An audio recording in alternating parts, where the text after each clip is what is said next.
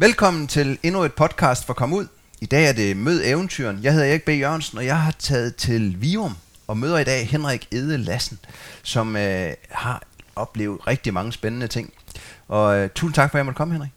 Selv tak. Kan du ikke kort præsentere, øh, hvem du er og hvad du egentlig laver? Jo, jeg er naturfotograf og filmproducent. Ja. Så er jeg far. Og øh, jeg er sådan lidt splittet mellem det her mellem at, at have lyst til eventyr og samtidig være familiemenneske og have en hverdag hjemme. Og, øh, ja, det er sådan den korte version af det. Ja, det skal vi nok blive, blive meget, meget klogere på. Nu har du jo rejst i hele verden øh, som fotograf og med alle mulige andre ture. Hvad, hvad, er et eventyr så for dig? Jamen, jeg ved det jo stadigvæk ikke rigtigt, men, men efter at have hørt en masse af dine podcasts, så er jeg blevet klogere på det. Jeg Ja. synes, der er mange gode, øh, der er mange gode forklaringer eller definitioner på det. Øh, en ting, som jeg ikke har hørt nogen sige nu, det er det her med, at jeg synes, et godt eventyr, der skal være noget på spil. Ja. Altså lidt ligesom, hvis en mand løber, er det ikke nødvendigvis interessant, men hvis han løber, fordi at han har en løve efter sig, så bliver det pludselig spændende at se, om han når i mål. Så, så et eventyr er, synes jeg, nogle historier, som starter godt, får en eller anden hovedpersonen får et problem, så bliver problemet værre, så bliver det endnu værre, og så bliver det godt igen. Og jeg synes, mange af, mine egne historier, dem jeg er rigtig glad for, at jeg selv har oplevet, de har den struktur. Ja. Så man kan ikke, altså man skal ofre noget. Det, er ikke, det er ikke nok bare at ligge ved poolen. Der må gerne ske et eller andet vildt. At rejse ud, og så der, der skal være lidt mere med. Ja, jeg synes, man skal give noget af sig selv, ligesom du også har gjort på nogle af dine ture. Ja.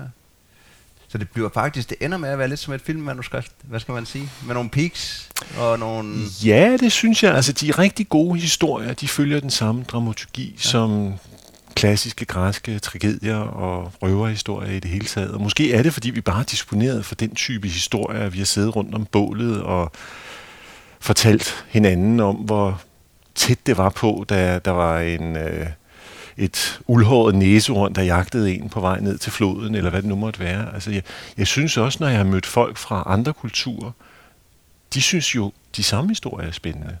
De synes også, toppen af fødekæden er mere interessant end bunden, tit og ofte, når man sidder omkring bålet og fortæller de her røverhistorier. Ja. Det må godt være lidt underholdning i det, ja. Jamen, det er jo det. Ja, ja. ellers er det ikke et eventyr. Hvor, hvor, hvor startede hele den der eventyrlyst fra? Er det barndommen? Eller? Det er i høj grad barndommen. Øh, jeg kan stadig sådan genkalde den følelse, det er at ligge på bunden i, eller på gulvet i vores badeværelse med bruseren tændt og sådan et lille gult badekar hen over hovedet, mens jeg leger det monsun, og så har jeg skruet op for varmen og øh, lukket afløbet med vaskeklude. Og den der drøm om en stor verden, den har jeg i høj grad fået fra min far, som blandt andet prøvede at starte en kaffefarm i Kenya uden succes. Han øh, rejste til Mallorca, før øh, der var danskere på Mallorca, og prøvede at starte turisme op. Han kunne bare ikke finde nogen danskere, så han kunne ikke leve af det. Det var tilbage i 50.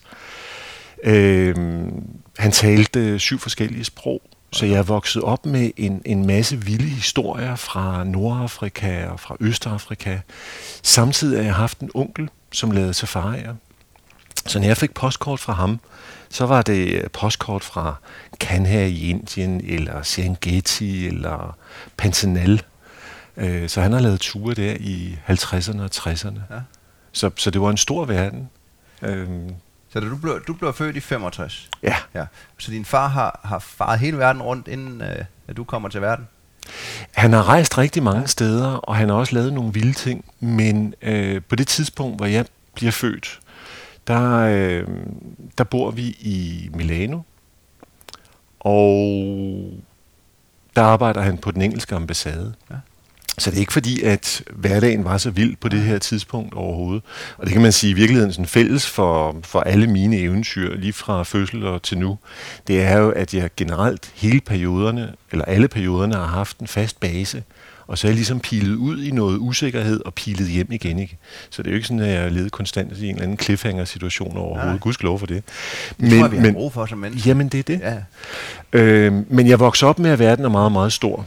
Og øh, 60'erne, det er jo det tidspunkt, hvor jeg lærer at bevæge mig med egen hjælp, og det kan jeg ikke huske særlig meget af overhovedet, men 70'erne, det er fyldt med eventyr. Det er Jacques Cousteau, det er Hans Vass. Øh, jeg finder relativt hurtigt ud af, at, at det, jeg synes, der er spændende, det er det, der foregår ude i naturen. Ja. Det er det, der tænder mig og gør mig glad. Så jeg laver øh, relativt hurtigt, altså jeg kan ikke huske præcis, hvornår det er, men måske som 8 eller 9 årig, der laver jeg en aftale med min farmor om, at jeg gerne må stå op på egen hånd, når vi er i en ødegård i Sverige, og så gå ned til elven. Men som de siger, du skal stå op selv, vi vil ikke vække dig. Så hvis du ikke vågner selv, så får du ikke den oplevelse.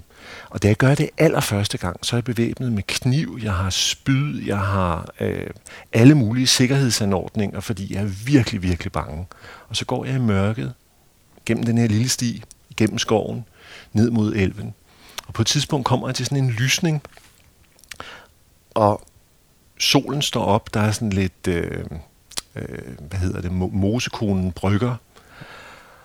Og så pludselig mellem tågen, der ser jeg så en revmor med nogle unger, og ungerne leger. Og så sætter jeg mig ned på den her træstup, og så sidder jeg bare og ligesom er fluen på væggen i den her naturoplevelse. Og i virkeligheden tror jeg, at på det tidspunkt, der ved jeg bare, lige nu er jeg lykkelig. Og det er lidt den oplevelse, jeg har prøvet at genkalde mig med mange af mine efterfølgende eventyr. Altså det er simpelthen sådan en stærk følelse, det her, øh, med både at være bange og overvinde sine øh, dæmoner, og samtidig få en kæmpe bonus i form af en stor naturoplevelse.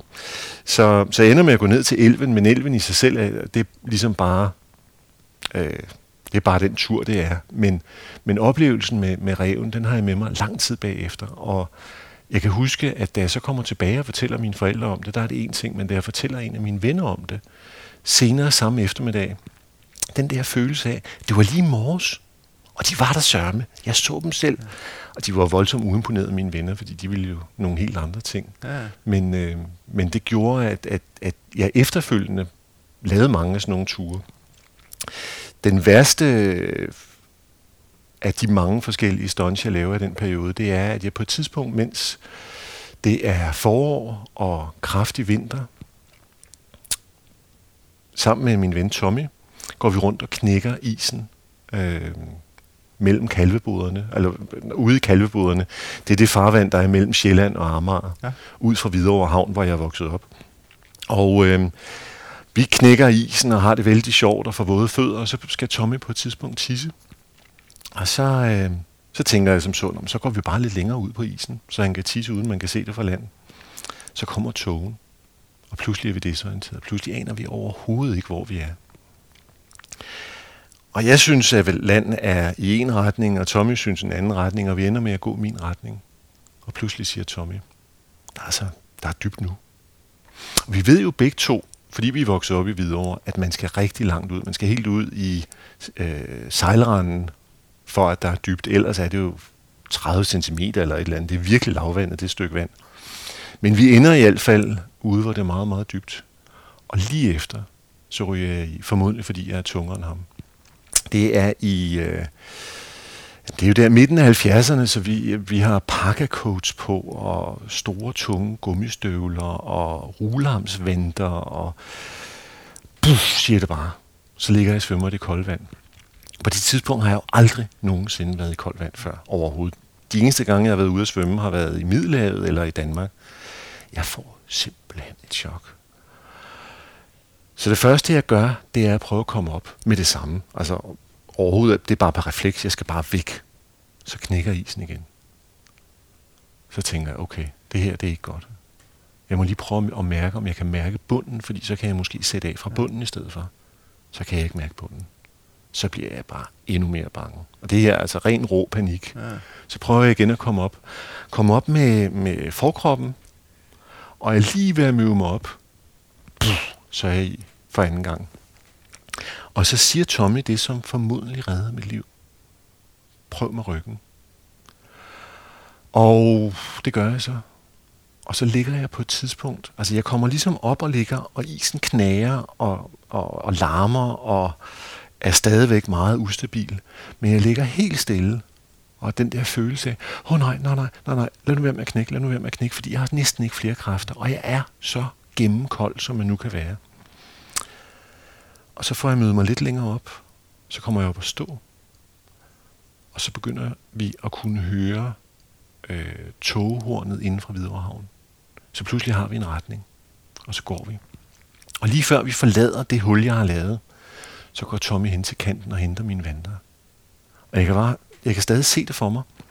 Han, han er sådan på højre side. Han kommer hen med vanten til mig, og jeg tager vanten, fordi jeg er så kold, og kaster den tilbage igen i hullet. Og råber, vi skal bare, vi skal ind nu. Ikke mere. Og jeg er også sur på ham over, at han sætter sit eget liv på spil. Da vi kommer ind i havnen, og jeg har ingen idé om, hvor lang tid det tager, men jeg får stadigvæk kuldgysninger af det, bare vi snakker om det nu her. Øh, da vi kommer ind i havnen, er mit tøj frosset, og jeg kan næsten ikke bevæge mig. Og jeg når hjem og ryger ind under den varme brus og tilbringer de næste 14 dage med at være rigtig, rigtig syg. Øh, men derfor, da vi mødes, vi mødes jo tilfældigvis, nu springer jeg lidt i tid, men vi mødes i 2009, da jeg laver øh, nogle gletsjeroptagelser i Østgrønland. Og der er vi ude og gå sammen, og jeg har ikke skænket den her historie særlig mange tanker. Men så står jeg og skal lave interview med dig og din makker, og så pludselig kan jeg mærke, at havisen giver sig. Der er lige sådan et lille bitte lag. Ja. Jeg ved ikke, om du kan huske det. Ja, ja, men jeg, jeg, jeg sagde simpelthen til dig, øh, er det her sikkert? Og jeg kunne bare mærke skrækken fra den gang. Så det er lidt sjovt. Det er også derfor, jeg fortæller den her historie, fordi ja. den er ret sigende. Øh, efterfølgende er jeg rigtig, rigtig bange for is. Og så tænker jeg, at den eneste måde, jeg kan gøre noget ved det på, det er ved at lære at, at skøjte, og ender jeg med at gå til ishockey og får i øvrigt en masse gode oplevelser den vej. Men jeg har stadigvæk et lille snært af, af skræk fra det her øjeblik. Ja. Så, øh, det er noget af en. Men, Hvad sagde øh, dine øh, forældre? nej, men de var jo simpelthen så rystede. Jeg var enebarn øh, af nogle relativt gamle forældre, som øh, ganske vist gav mig meget plads, men de var jo dybt chokerede. Ja.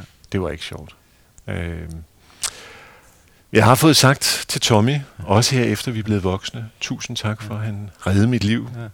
Øh, så i det hele taget i den periode, jeg gør rigtig mange dumme ting. En af mine store problemer, det er, at jeg har simpelthen sådan en ringe forståelse for helt elementære natur, øh, begrænsninger som tyngdekraft og lignende. Altså jeg falder ned fra tage, og jeg bliver bidt af hugorm, og jeg står på skateboard efter en bil og sådan noget. Altså, så jeg, på det tidspunkt er jeg også lidt adrenalinafhængig. Og det skal jeg stadigvæk den dag i dag kæmpe lidt med det der sug i maven og følelsen, efter man har gjort et eller andet rigtig, rigtig vildt, det kan jeg ikke helt lægge fra mig i virkeligheden. øhm, ja. Men resultatet er så bare, at jeg tilbringer rigtig mange øh, ture til skadestuer og er på hospitalet. Og på et tidspunkt, mens jeg sidder eller er, ligger på hospitalet for et hugormbid, meget på øh, mærkelige skader, så møder jeg min klassekammerat Karsten. Han er inde for at besøge en af sine venner, som skulle se, hvordan det så ud, når en dåse bliver gennemboret med en boremaskine. Og da de så skal til at bore med boremaskinen, så smutter den og ryger lige gennem næsen på den her fyr. altså, så altså, det er også bare en tid, hvor børn får lov til meget gøre, mere, ja. end de gør i dag, og hvor man ikke har mobiltelefoner, og altså, der er ikke særlig meget styr på særlig mange ting. Men man aner ikke, hvor ungerne er. Jo. Nej, det er det. Så der er lidt mere fri leg, må man sige. Ja. Øhm, men i hvert fald, jeg overlever barndommen og øh, kommer i gymnasiet. Og i 2G, der pludselig tænker jeg, hvad er det, jeg laver her? Jeg synes, det er forfærdeligt at gå i skole. Og jeg har egentlig været skoletræt, også allerede i folkeskolen. Jeg er heller ikke særlig god til at gå i skole i øvrigt. Og jeg tænker, det eneste, der er at gøre nu, det er at sælge alt, hvad jeg har, og tage til Sydamerika. Jeg har snakket med en omkring øh, Manaus i øh, Sydamerika, i, øh, ja, i Amazonas. Og jeg tænker, nej, jeg skal bare have en envejsbillet til Manaus, så klarer jeg resten. Og der sætter mine forældre simpelthen ind, og det gør rektor også. Jeg ender med at have møde med rektor og alle mulige andre, som overtaler mig til at fortsætte. Og jeg har sådan et, nej, nej, nej, nej, nej. Tænk hvad jeg går klip af nu her. Livet er ved at glide ud af fingrene på mig, og jeg skal jo ikke bruge min uddannelse som gymnasieelev til noget som helst overhovedet. Jeg vil bare afsted. Men jeg ender med at gennemføre det alligevel og får en usædvanligt dårlig studentereksamen. Men er så til gengæld også meget, meget tændt på eventyr, da det hele er overstået. Jeg synes, de der tre år er nogle af de længste i mit liv.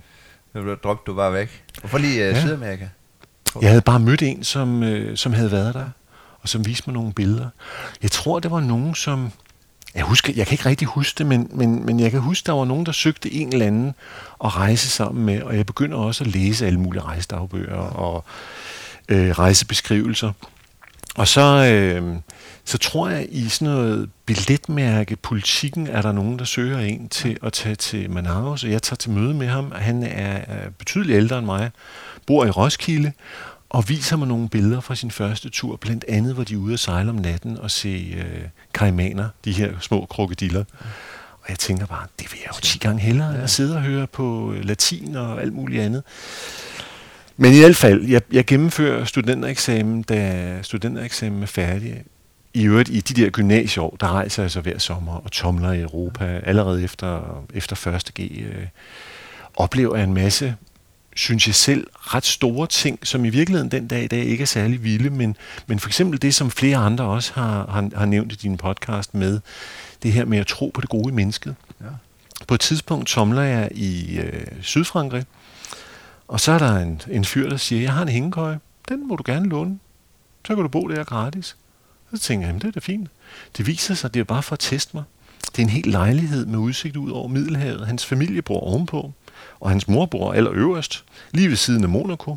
Den har jeg i en måned træk. Og det er jo altså de der magiske øjeblikke, som i virkeligheden kan koges ned på, at siger man nej, så får man ikke eventyret. Nej. Så det gælder simpelthen om at, at fange det.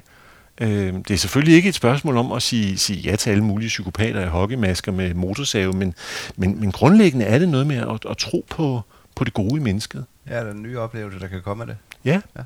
Hvad med i, i de år? Nu sagde du, at dine forældre havde rejst rigtig meget, og du opvokser i, eller blev født i Milano, og så kommer hjem. Ja. Men i de år der, er de blevet så ældre, at de ikke rejser mere, eller I rejser ikke ud? Vi rejser hver sommer, og nogle gange rejser vi også øh, mere end det, men, men som regel har vi en fem ugers tur om sommeren, hvor vi tager til Sydeuropa, og så har vi nogle øh, små ture til Tyskland og ja. Frankrig og, og sådan noget. Men, men sådan i, i grove træk, det er ikke specielt vilde ture, men i forhold til nogle af mine klassekammerater, jeg kan huske på et tidspunkt, at, at de kommer hjem og fortæller, at de har været i Legoland, og jeg tænker bare, jeg har ikke engang været i Jylland på det her tidspunkt. Øh, jeg er helt syg for at komme til, til Givskud So eller, eller Legoland, men, men vi rejser relativt primitivt med rygsæk rundt om, omkring i Grækenland og Spanien og Frankrig, ja. og, og, og det giver jo selvfølgelig også en masse oplevelser. Ja.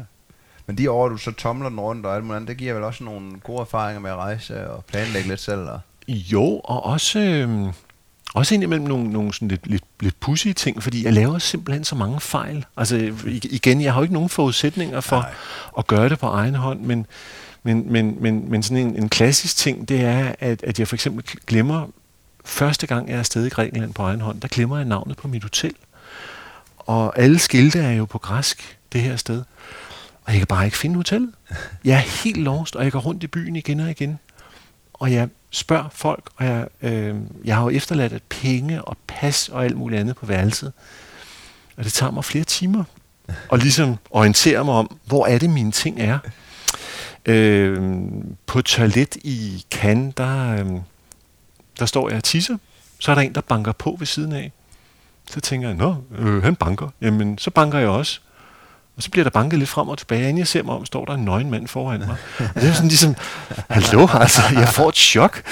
Øhm, så, så, så det er jo noget med i virkeligheden, at, at øh, sådan, de der sådan ret banale ting, det skal jeg ligesom lære, fordi det har mine forældre taget sig af. Ja. Men der er også de der storslåede øjeblik, for eksempel at løbe med tyrene. Jeg kan ikke huske, hvem af dine podcast, der beskriver en meget, meget flot øh, seance i øh, Pamplona. Men på det her tidspunkt, øh, der, ja, i 84, da jeg er færdig med gymnasiet, der tager jeg også til Pamplona og løber med tyrene. Ja. Og det er jo bare for vildt. Altså, det er sådan en øh, folkefest. Det er ikke så meget det her med liv og død og tyrene, men, men mere det her med, at, at øh, for eksempel da vi ankommer til Pamplona, der ser det ud som om, at der har været sådan en atomulykke, fordi der ligger bare så mange mennesker ned, som er kollapset på grund af for meget rødvin og dans. At det er sådan en, en uvirkelig ting, og det er jo måske i virkeligheden en af de der sjove ting, der sker, når man oplever noget helt nyt. Det er det her med, at tid og sted bliver forvrænget. Man er sådan lidt desorienteret. Der kan være nogle lyde eller nogle lugte, som bliver forstærket, og så er der nogle andre ting, som er en tåge. Og Pamplona for mig, det er sådan første gang, hvor jeg virkelig har følelsen af, nu er jeg ude i noget, hvor det er helt anderledes. Altså, verden er ligesom på vrangen, og hold da op, hvor er det spændende. Så har du, har du læst om det inden? Eller? Ja, jeg læste jo Hemingway, øh, ah, Hemingway. Som, som, ja. som dreng. Ja. Så den øh, bog, der hedder Solen går sin gang, øh, den, den øh, det er en del af min barndom, så det at komme der til er også ligesom at gå i Hemingways fodspor. Det er ikke fordi, jeg er tyrefægter interesseret overhovedet. Øh, tværtimod, øh, jeg er et stort øh, dyremenneske, men, men, men det er helt vildt at løbe i gaderne, og det er jo de samme brosten, man løber på, som Hemingway løber i, i 20'erne, så, ja. så det, er, det er vildt. Er du alene ja. afsted? På den, de første ture, de første to ture er jeg alene afsted. På denne her er jeg sammen med en, en, en god gymnasieven. Ja. Øhm, og så kommer jeg hjem igen, og så begynder øh, i virkeligheden øh, det, der kendetegner 70'erne for mig, det er det her med at opdage nærområdet, men i virkeligheden ikke rejse særlig langt. Men 80'erne for mig, det er der, hvor jeg virkelig får sådan lyst til hele kloden. Ja. Og det med, det med den fulde pakke. Så jeg drømmer om Nordpolen og Sydpolen og troberne og, og det hele. Øhm, men det er også en periode, hvor jeg ikke kan leve af det. Så hver rejse er i virkeligheden et spørgsmål om at komme hjem og lide og have lortejobs og tjene nogle penge, og så tage ud og nyde, og så komme hjem igen. Så, så på den måde er der denne her tur efter, efter 3.G øh, meget sigende for, hvad der sker de næste mange år, fordi jeg kommer hjem fra, fra denne her interrail-tur, og så tænker jeg, jeg vil gerne helt til Asien. Jeg vil i virkeligheden gerne til, til Indonesien for eksempel, men jeg har ikke råd. Så jeg tænker, jeg nøjes med, med sådan det, der er lidt tættere på, og det er så Tyrkiet. Ja. Så jeg tager til, til Tyrkiet på egen hånd og rejser rundt og vil helt ud østpå, men ender af forskellige årsager med at gøre det, som mange af de andre turister også gør. Laller lidt rundt på nogle strande, og inden jeg ser mig om, så er de tre måneder, som jeg troede, jeg kunne nå det hele på. Altså i virkeligheden finder jeg også ud af, at det, jeg godt kan lide, det er at rejse langsomt. Og, øh, og jeg kan godt lide det spontane, jeg kan godt lide det her med ikke at have for strikse planer, altså underforstået. Det kan godt være, at jeg har et ønske om at komme til, til B, men jeg når kun til A. Ja. Og det er også fint nok. Og så finder jeg også ud af en anden ting, kommer jeg lige tanke om, og det er den her følelse af, at øh, jeg skal ikke nå det hele. Altså, det kan godt være, at jeg kan alt muligt i Tyrkiet, Sortehavskysten og Østkysten og alt muligt andet, men jeg kan altid komme tilbage. Ja, der ligger et andet eventyr en anden gang. Ja, det er det der med, at det skal ikke nås i et hug. Så, og der er ikke noget galt i at tage retur til samme sted, fordi der vil komme nogle nye oplevelser. Jeg møder jo indimellem folk, som konsekvent altid laver noget nyt. Ja. Altså, nej, Grønland, det har jeg set, også selvom de kun har været i Sønderstrøm. Ja. Øh, eller Afrika, nej, der vil vi ikke igen til, fordi det var en dårlig uge i Tunis. Altså, det har jo ingenting med det at gøre overhovedet. Så, så, så for mig er det det der med, at, at der er noget genkendeligt ved at komme tilbage, fordi man får en, en genvej til nogle oplevelser. Man behøver ikke hele tiden at undre sig over, hvad er det, der er på menuen og noget. Men der er masser af andre eventyr. Også selvom du nærmest copy og paster din, din egen rute. Ja. Hvad, Men, ja. Nu når du tog til Tyrkiet og det andet der, så, så, så sagde du, så rejste du langsomt. Var, var det det der med at dykke ned i en anden kultur, der fascinerede dig, eller forskelligheden, eller var du historisk interesseret, eller, eller var det bare det der med at suge indtryk ind og tænke og forundre sig over, hvad der skete? Mm. Altså i virkeligheden er der, der er to spor. Dels der, hvor jeg møder nogle søde piger, der rejser jeg ligesom bare med dem, ja. indtil de skal hjem, eller et eller andet den stil. Så, så det ene er noget socialt, at det er bare hyggeligt, det der med at klumpe sammen med andre backpackere. Øh, det andet er natur. Det er simpelthen den største drivkraft. Øh, så en af de største oplevelser, lyder lidt, lidt pudsigt, men en af de største oplevelser er en, en rotur på et tidspunkt på en eller anden flod, hvor jeg ser en masse sumskildpadder. Fordi jeg hele mit liv har drømt om at se en sumskildpadde. Og det er bare sådan ligesom, wow altså. Det er større end, end nogle af de der øh, kulturelle højdepunkter for mig på det her tidspunkt. Så reven, den har sat sig så dybt det der? Det har den. Det, det, det er simpelthen øh, det er den, øh, jeg går efter igen og igen. Ja. Og det er også de øjeblikke, jeg får. Min første tur i Tyrkiet bliver så øh, lidt kompliceret af, at jeg begynder at blive dårlig. Jeg har på det tidspunkt rejst fra Middelhavet og lige så stille op mod Istanbul. Ja. Men da jeg når til Istanbul, så rejser jeg på det tidspunkt sammen med en, øh, en sjov mexikaner, Gonzales. Og en morgen siger han til mig, du ligner en vampyr. Og så kan jeg godt se selv i spejlet. Det ser sgu ikke for godt ud. Jeg har sådan nogle sorte rande, og altså det ene øjeblik er man brun og slank og sporty, og det næste øjeblik, så ligner man en strandvasker. Og jeg tænker bare, der er et eller andet galt med min krop, men jeg kan ikke rigtig gennemskue det. Senere samme dag, så får jeg kraftig øh, maveinfektion, og jeg begynder at få problemer med at gå på det ene ben. Det ligesom hæver op og er mystisk. Så får jeg øjenbetændelse. Og den gode Gonzales, han bliver ved med at sige, du bliver altså nødt til at søge læge nu. Og jeg kan ikke rigtig overskue det. Så får jeg feber. Jeg får øh, 39-40 i feber. Og så slæber jeg mig ind på det amerikanske militærhospital i Istanbul. Og tænker, okay, på det her tidspunkt har jeg aldrig fejlet noget overhovedet alvorligt. Øh, for det andet, kort tid før jeg tager afsted, der har jeg stået på skateboard efter en bil og prøvet at sætte videre rekord med 50 i timen. Ham, der kører bilen, har ikke kørekort. Øh, det er en øh, Fiat 127. Han bliver kørt af min ven Jørgen. Så da vi, når jeg sætter hånden i vejret for hver gang, vi går fra 10 til 20, fra 20 til 30, og så tænker jeg, ej, hvis jeg alligevel kører 30, så kan jeg også lige komme op på 40. På det her tidspunkt går det rigtig, rigtig stærkt. Jeg har jeg holder fast i en snor, og vi kører på den motorvej, der går fra, fra Hvidovre over Kalveboderne over til Amager, som øh, bliver lavet på det her tidspunkt. Der er god asfalt. Og der er nemlig super god asfalt, og der er ingen mennesker, og den er helt ny motorvejen. Ja. Og hans, øh, den her Fiat 127, den kan komme ind imellem de her store øh, stenblokke, der er lagt for, at man ikke må lege på området.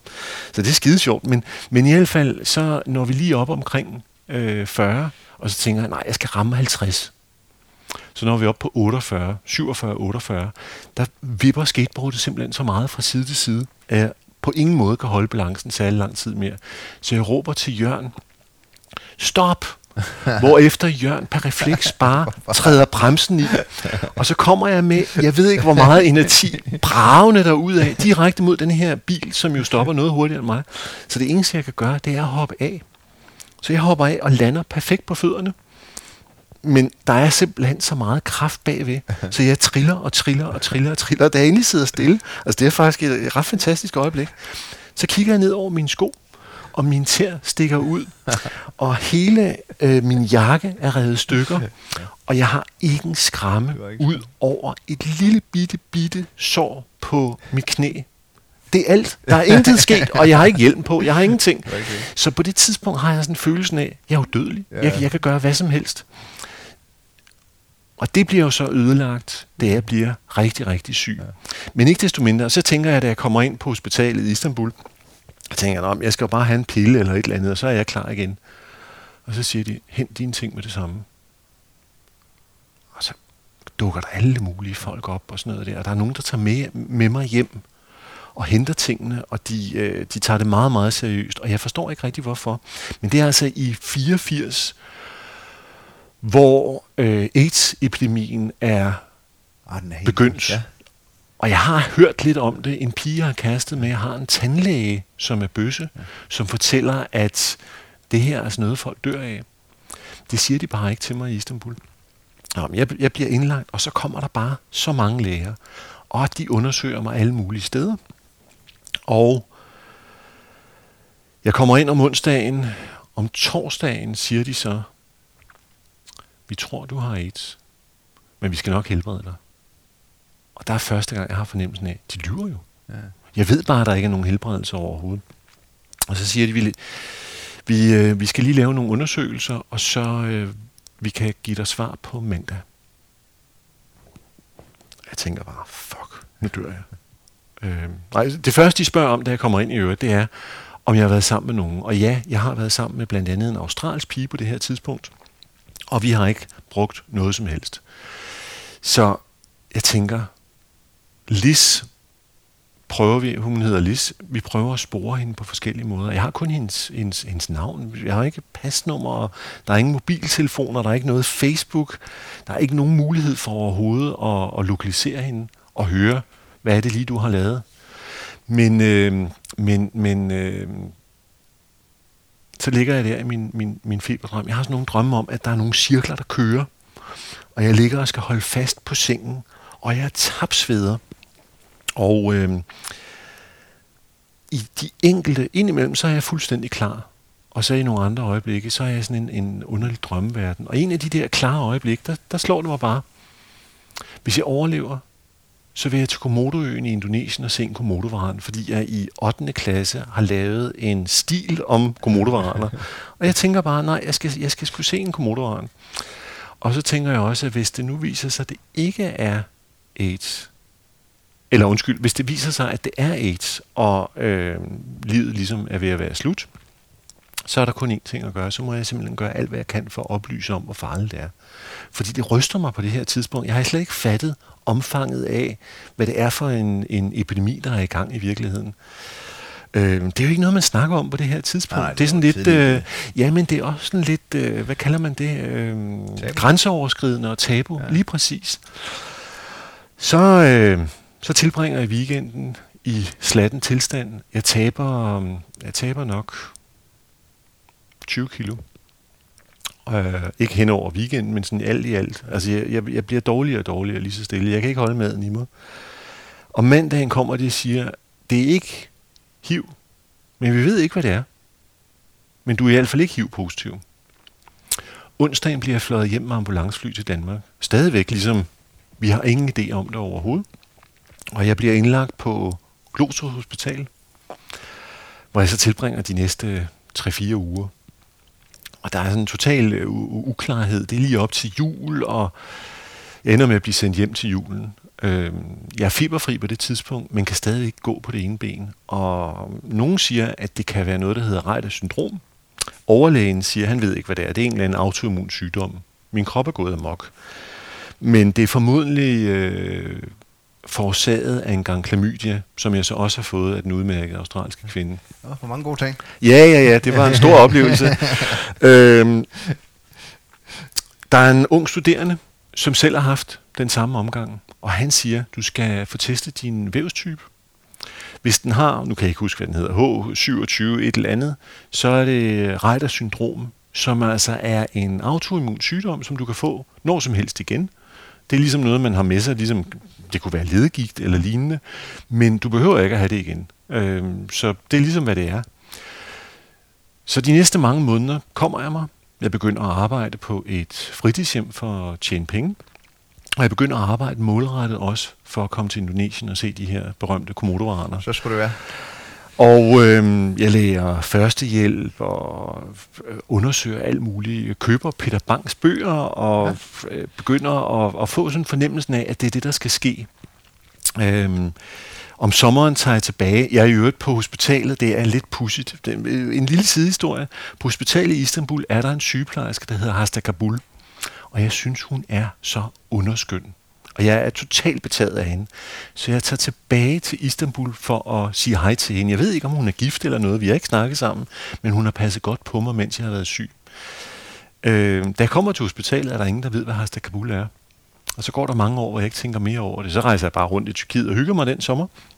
Men nu kommer det sjove. På, et, øh, på en shawarma i Lyngby for et par år siden, så slår det mig pludselig. Kunne være, om Hasta Kabul i virkeligheden var hendes, hendes øh, hvad hedder det, jobbeskrivelse. Og så spørger jeg den her fyr, der laver shawarma til, til mine børn og jeg, øh, Hasta Kabul, betyder det noget? Og siger han, ja, det er sådan en slags øh, akut sygeplejerske. Så jeg har taget hele vejen til, til Istanbul for at spørge rundt i receptionen, har I en akut sygeplejerske? De kiggede jo på mig, som om jeg var vanvittig. Men det tog mig altså 30 år at finde ud af. af ja, ja, sådan er det. Nå, men i hvert fald, så, øh, så kommer jeg så til Asien øh, i 86. Og det er på mange punkter lige så grænseoverskridende som øh, turen igennem isen. Altså den der følelse af, at det er helt uvirkeligt det her. Der er så mange nye begreber, der er så mange øh, nye lugte og lyde.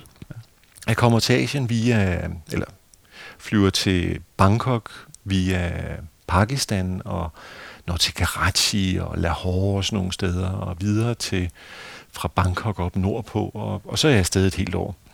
Og det er på mange punkter formende for resten af mit liv. Ja. Allerede som dreng har jeg indimellem, når vi har ferie, så har jeg følelsen af, det her, det er livet. Jeg gider simpelthen ikke tage hjem igen. Jeg vil meget hellere holde ferie. Ja. Altså, det er det, jeg synes, der er sjovt. En af gangene ligger jeg i vand på Kreta på mit sidste snorkeltur, og tænker, jeg vil simpelthen aldrig hjem igen, og jeg vil heller ikke være voksen. Og den følelse har jeg lidt, da jeg er i Asien på den her tur, at livet er simpelthen så fantastisk. Og hvorfor i alverden har jeg ikke gjort det noget før? Altså det hele giver mening. Jeg laver alle mulige øh, dumme ting og kommer galt afsted også på den her tur og vælter på motorcykler og bliver ulykkelig forelsket og alt muligt andet. Men der er noget flow i det. Og så finder jeg ud af to ret centrale ting. Den ene ting, som jeg i virkeligheden godt vidste lidt i forvejen, det er det her med, at nogle af de største oplevelser får man med mennesker. I en længere periode, der bor jeg med en, øh, en jungleguide i Shitwa Nationalparken, ja. som hedder Govinda. Og han, han lærer mig simpelthen op. Som Han, guide? øh, ja, ikke rigtig som, ikke som kommersiel guide, Ja, men bare- jeg går bare en masse ture sammen med ham og kigger på spor, og så siger han, jamen kan du se, her gik tigeren i morges, og nu gik den faktisk ned til floden her, og prøv at se, her har det og det været forbi og sådan noget. Og det åbner sig en total verden, som jeg formodentlig ville have fået, hvis jeg bare havde gået med en god jæger i Danmark også. Ja. Men det er en ny måde at opleve verden på. Det er den ene ting. Han synes bare, det var sjovt at have dig med. Vi hyggede os bare. Ja. Øhm, og jeg endte med at bo hjemme hos ham. Fantastisk. ja, han havde, udenfor havde han sådan et skin, man kunne ligge på, og det var jo ikke specielt koldt. Så boede jeg der og spiste dalbat med hans kone og legede med hans børn. Og, øhm, I starten så var jeg kun sammen med ham, men når han så havde øh, turister, så, øh, så gik jeg rundt for mig selv. På det her tidspunkt må man gå ind i Shitwa Nationalparken. Shitwa Nationalparken, det er ligesom den laveste del af Nepal Ja. i 150 meters højde eller sådan noget, der hvor grænsen til, til Indien er.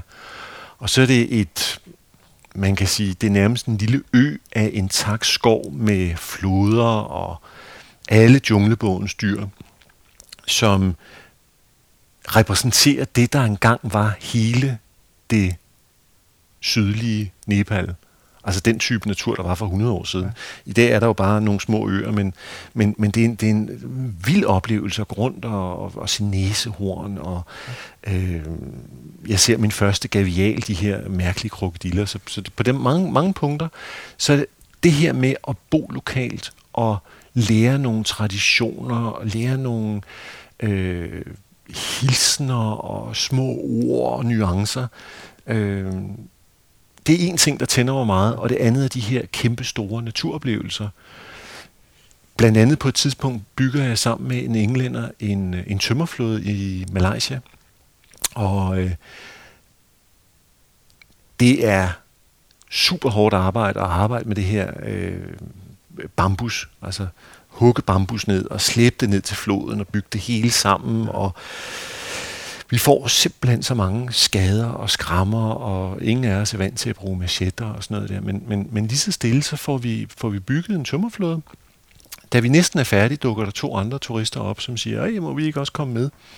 Og vi sejler afsted alle sammen, og da vi har sejlet to timer, sejler vi direkte på en kæmpe stor træstamme, der står midt ude i floden, hvor det løber allerhurtigst, og kiler os fast.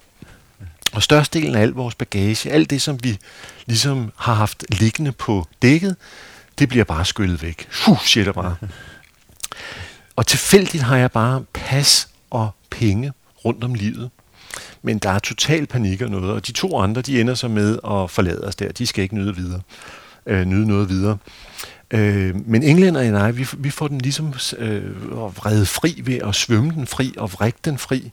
Vi får tørret vores ting, og jeg ender med at, at gå op på bredden og kontakte nogle lokale. Jeg er den eneste i holdet, der kan bare en lille bit smule malaj. Og øh, jeg kommer op med mudder over det hele og, og spørger de lokale, er der ikke nogen, der kan hjælpe og noget? Og de kommer ned og giver os mad, og det er en kæmpe oplevelse. De næste, jeg tror det er 10 dage, det tager os at sejle ned ad floden der ser vi vildsvin og møder lokale fiskere. Og, altså, det er på mange punkter meget sjovere end alle de her pandekagesteder, hvor man du ved, spiser magic mushrooms og kærester med nogle kvinder i solnedgangen på en eller anden tropestrand. Altså, det er der, hvor jeg virkelig tænker, her koster det noget, men for helvede, hvor er det en stor oplevelse. Så, så da jeg kommer hjem efter den tur, så tænker jeg, det her bliver jeg nødt til at gøre igen. For mange andre er det jo bare et spørgsmål om, at man tager en stor tur, og så går man i gang med at læse, og så lever man det der voksenliv, og så kan man jo så vente med eventyret, til man går på pension. Fordi ellers kan man jo ikke betale sin regning og leve det her voksne liv. Og jeg tænker bare, jeg, jeg skal bare afsted igen, og det kan ikke blive vildt nok. Så øhm, en af mine fars venner når, siger så til mig, han er læge selv, han siger, hvad skal du så i gang med at læse? Jeg siger, jeg, jeg skal ikke læse. Jeg, skal, jeg, vil, jeg vil gerne lave, lave vilde ting, jeg vil gerne lave ekspeditioner og noget. Så siger han, så skal, du, så skal du snakke med en, der hedder Lars Ørlund. Og så, øh, så gør jeg det, og Lars han inviterer mig til Afrika. Ja. Så jeg kommer hjem øh, i 87 efter at have været afsted et år ja, i, i Asien, og, eller 11, 11 måneder og et eller andet antal dage, og så øh, året efter er jeg afsted igen til Afrika som safari-aspirant. Og det er jo sådan pludselig at snuse til en anden måde at gøre tingene på, fordi her er der jo et klart mål, det er at give nogle turister nogle oplevelser. Og øh, det er en anden form for turisme. Vi har telte med og en fjølstrækker, så det er sådan meget bilbaseret turisme. Ja. Når man ikke har, har våben med, kan man jo ikke gå rundt på den afrikanske savanne. Der er alt for mange farlige dyr. Øh, I hvert fald, hvis man ikke kender, kender nok til det, det ja. så kan det være rigtig risikabelt at gøre det. Så på nogle punkter synes jeg, at den, den tur, jeg synes Afrika er fantastisk, men jeg synes også, at jeg ser ikke så meget af Afrika. Jeg møder ikke nogen lokale i større stil. Jeg bor ikke særlig meget lokalt. Så jeg er ikke så vild med den der meget sådan sort-hvide oplevelse af verden, som, som vi har over den, øh, den tur. Vi rejser, jeg kan ikke huske, om vi kører 15.000 km eller et eller andet den stil, men det er sådan meget med bil fra, fra A til B. Den måde at, at rejse på i Afrika, som, som jo i virkeligheden også kendetegner meget af den form for turisme, der er i dag, hvor der er nogle oplevelser i nogle naturområder, men ikke særlig meget kontakt til lokalbefolkningen. Så lokalbefolkningen ser man ligesom ud af bilruden, mens man brager fra den ene nationalpark til den anden. Det siger mig ikke så meget på det her tidspunkt, men jeg er helt vild med dyrelivet. Og jeg får meget frie kår af Lars, det må man sige. Han er meget tillidsfuld, og, og det er jo en enestående mulighed at få lov til at, at opleve Afrika øh, igennem et menneske, som virkelig har prøvet det mange gange. Vil det sige, at, at når I kører de der 15.000 km, var det så, så skifter I turister fra Ja, så mange gange vi starter i Zimbabwe og kører hele vejen fra Zimbabwe op til, til Kenya. Jeg vil sige gennem øh, Zambia og Tanzania, og kører vi rundt i Kenya henter nogle turister der. Så kører vi fra, fra Kenya ind til Centralafrika i Rwanda, og så kører vi ned over igen. Så vi har nogle forskellige hold undervejs. Og min rolle, det er primært at sidde på taget af bilen og spotte dyrene, hvilket jeg godt kan finde ud af. Og så er det at tage mig af turisterne, og det synes jeg til gengæld er voldsomt svært. Jeg er ikke særlig god til det. Og, og jeg har slet ikke nogen fornemmelse for, hvad det er, det kræver i virkeligheden. Øh, altså det der servicegen, det, det, det ligger ikke særlig naturligt for mig overhovedet. Øh, men den største oplevelse på den tur, det er faktisk, da jeg skal sige farvel til savannen. Vi er næsten tilbage igen i Zimbabwe, hvor vi startede. Der er noget, der hedder Zambesidalen, som ligger mellem Zambia og Zimbabwe. Og der siger jeg til Lars, ej, ved du hvad, må jeg ikke lige få en sidste nat på savannen bare for mig selv? Jo jo, siger han så, der er ikke noget der. Så han skal overnatte på en lodge sammen med nogle turister. Han kører mig ud, og jeg sætter teltet op, og så kører han igen. Og så ligger jeg der helt alene og tænker bare, wow, der er alle de her lyde. Det er enormt intenst at være alene på savannen. Og jeg har sådan et lille grønt militærtelt, kuppeltelt, og pludselig hører jeg så en elefant i det fjerne. Bare sådan gumle lidt. De trækker i træerne på en bestemt måde, og de er sådan noget, noget voldsomt i adfærden. Øh, man har virkelig fornemmelsen af, at det er nogle store dyr. Så kommer der en til, og så tænker jeg, åh, bare de kommer herover af, fordi den første nat, jeg har på savannen, det første møde med savannen, der kan vi om morgenen se, at der har været en elefant forbi teltet, fordi den har skidt lige ved siden af teltet, men den har ikke så meget som snublet over bardunerne. Den har som en ninja snedet sig forbi helt musse stille. På det her tidspunkt i, i Zambesidalen, der er der ret mange krybskytter, så det betyder, at, at elefanterne er ret gode til at undgå kontakt med mennesker. Øh, så jeg, jeg ligger inde i, i teltet, og de kommer tættere og tættere på, og jeg kan høre, oh, der er sørme mange, og pludselig er de så rundt om hele teltet. Jeg ligger ved et ret stort træ, og de begynder at, at arbejde med træet, altså trække i grenene, og på det her udmærket tidspunkt i mit liv, der kender jeg jo heller ikke noget til træerne. Jeg ved jo ikke, hvad der har frugter eller ikke har frugter. I dag ved jeg, at hvis man vil se dyr, så skal man jo være ved frugttræerne. Men hvis man vil undgå at have elefanter i soveposen, jamen, så skal man ikke lige, ligge lige ved siden af et, et kæmpestort frugttræ, der kan tiltrække dem, eller have citrusfrugter øh, inde i teltet, fordi så går de også efter det. Det kan de jo fornemme og er meget interesseret i.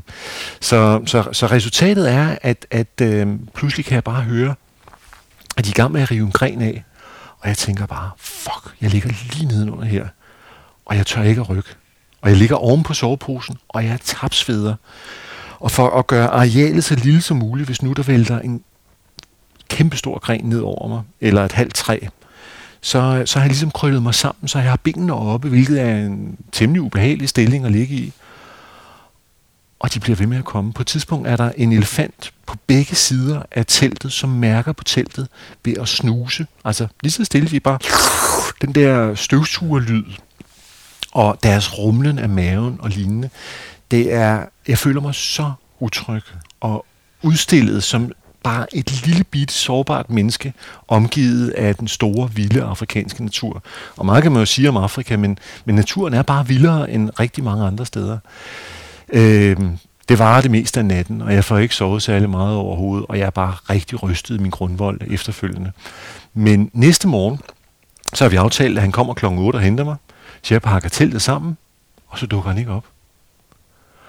Og når man ikke ligesom har den der skal af tryghed, men bare har, du ved, et nedpakket telt, jeg har ikke engang så meget som en lommekniv, og ikke fordi det kunne betyde så meget øh, i den her situation, men jeg føler mig enormt sårbar, da jeg står der helt mutters alene midt på savannen, og tænker, ej, jeg skulle måske have ventet med at pakke teltet ned, men omvendt havde vi jo aftalt det her tidspunkt.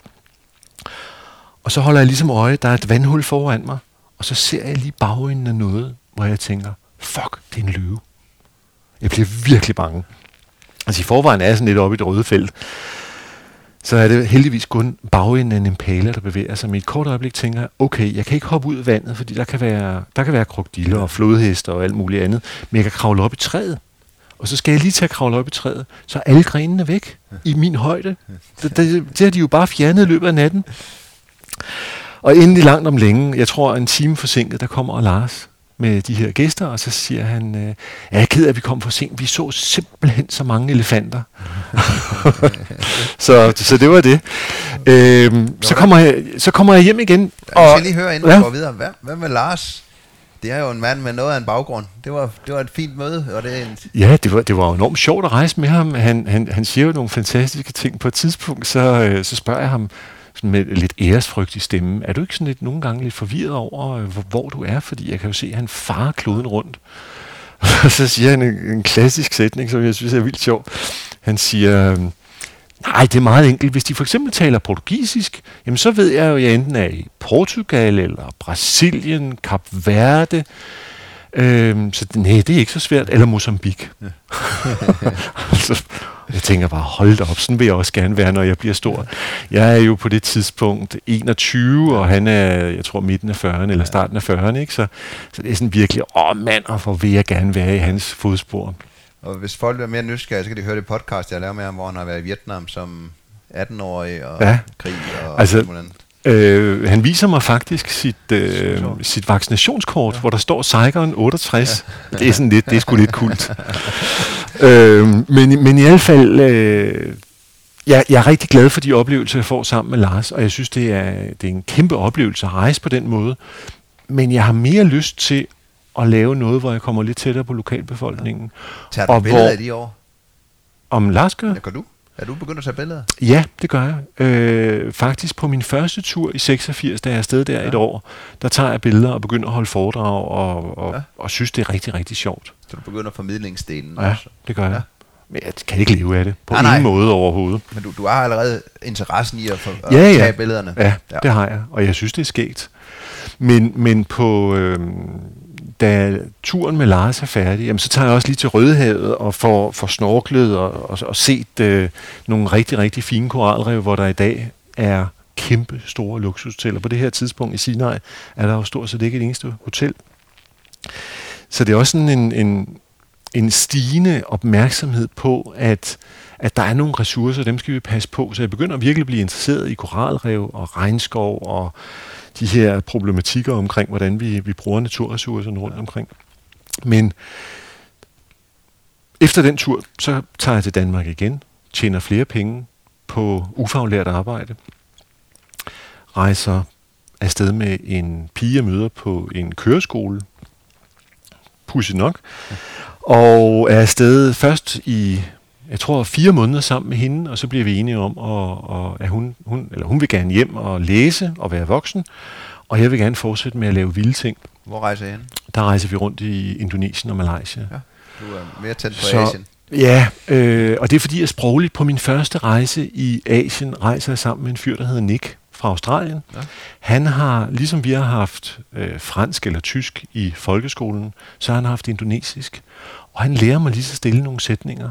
Ikke sådan voldsomt meget, men nok til, at jeg lige kan hilse på folk og spørge, hvad koster tingene, og hvor langt er der til næste by.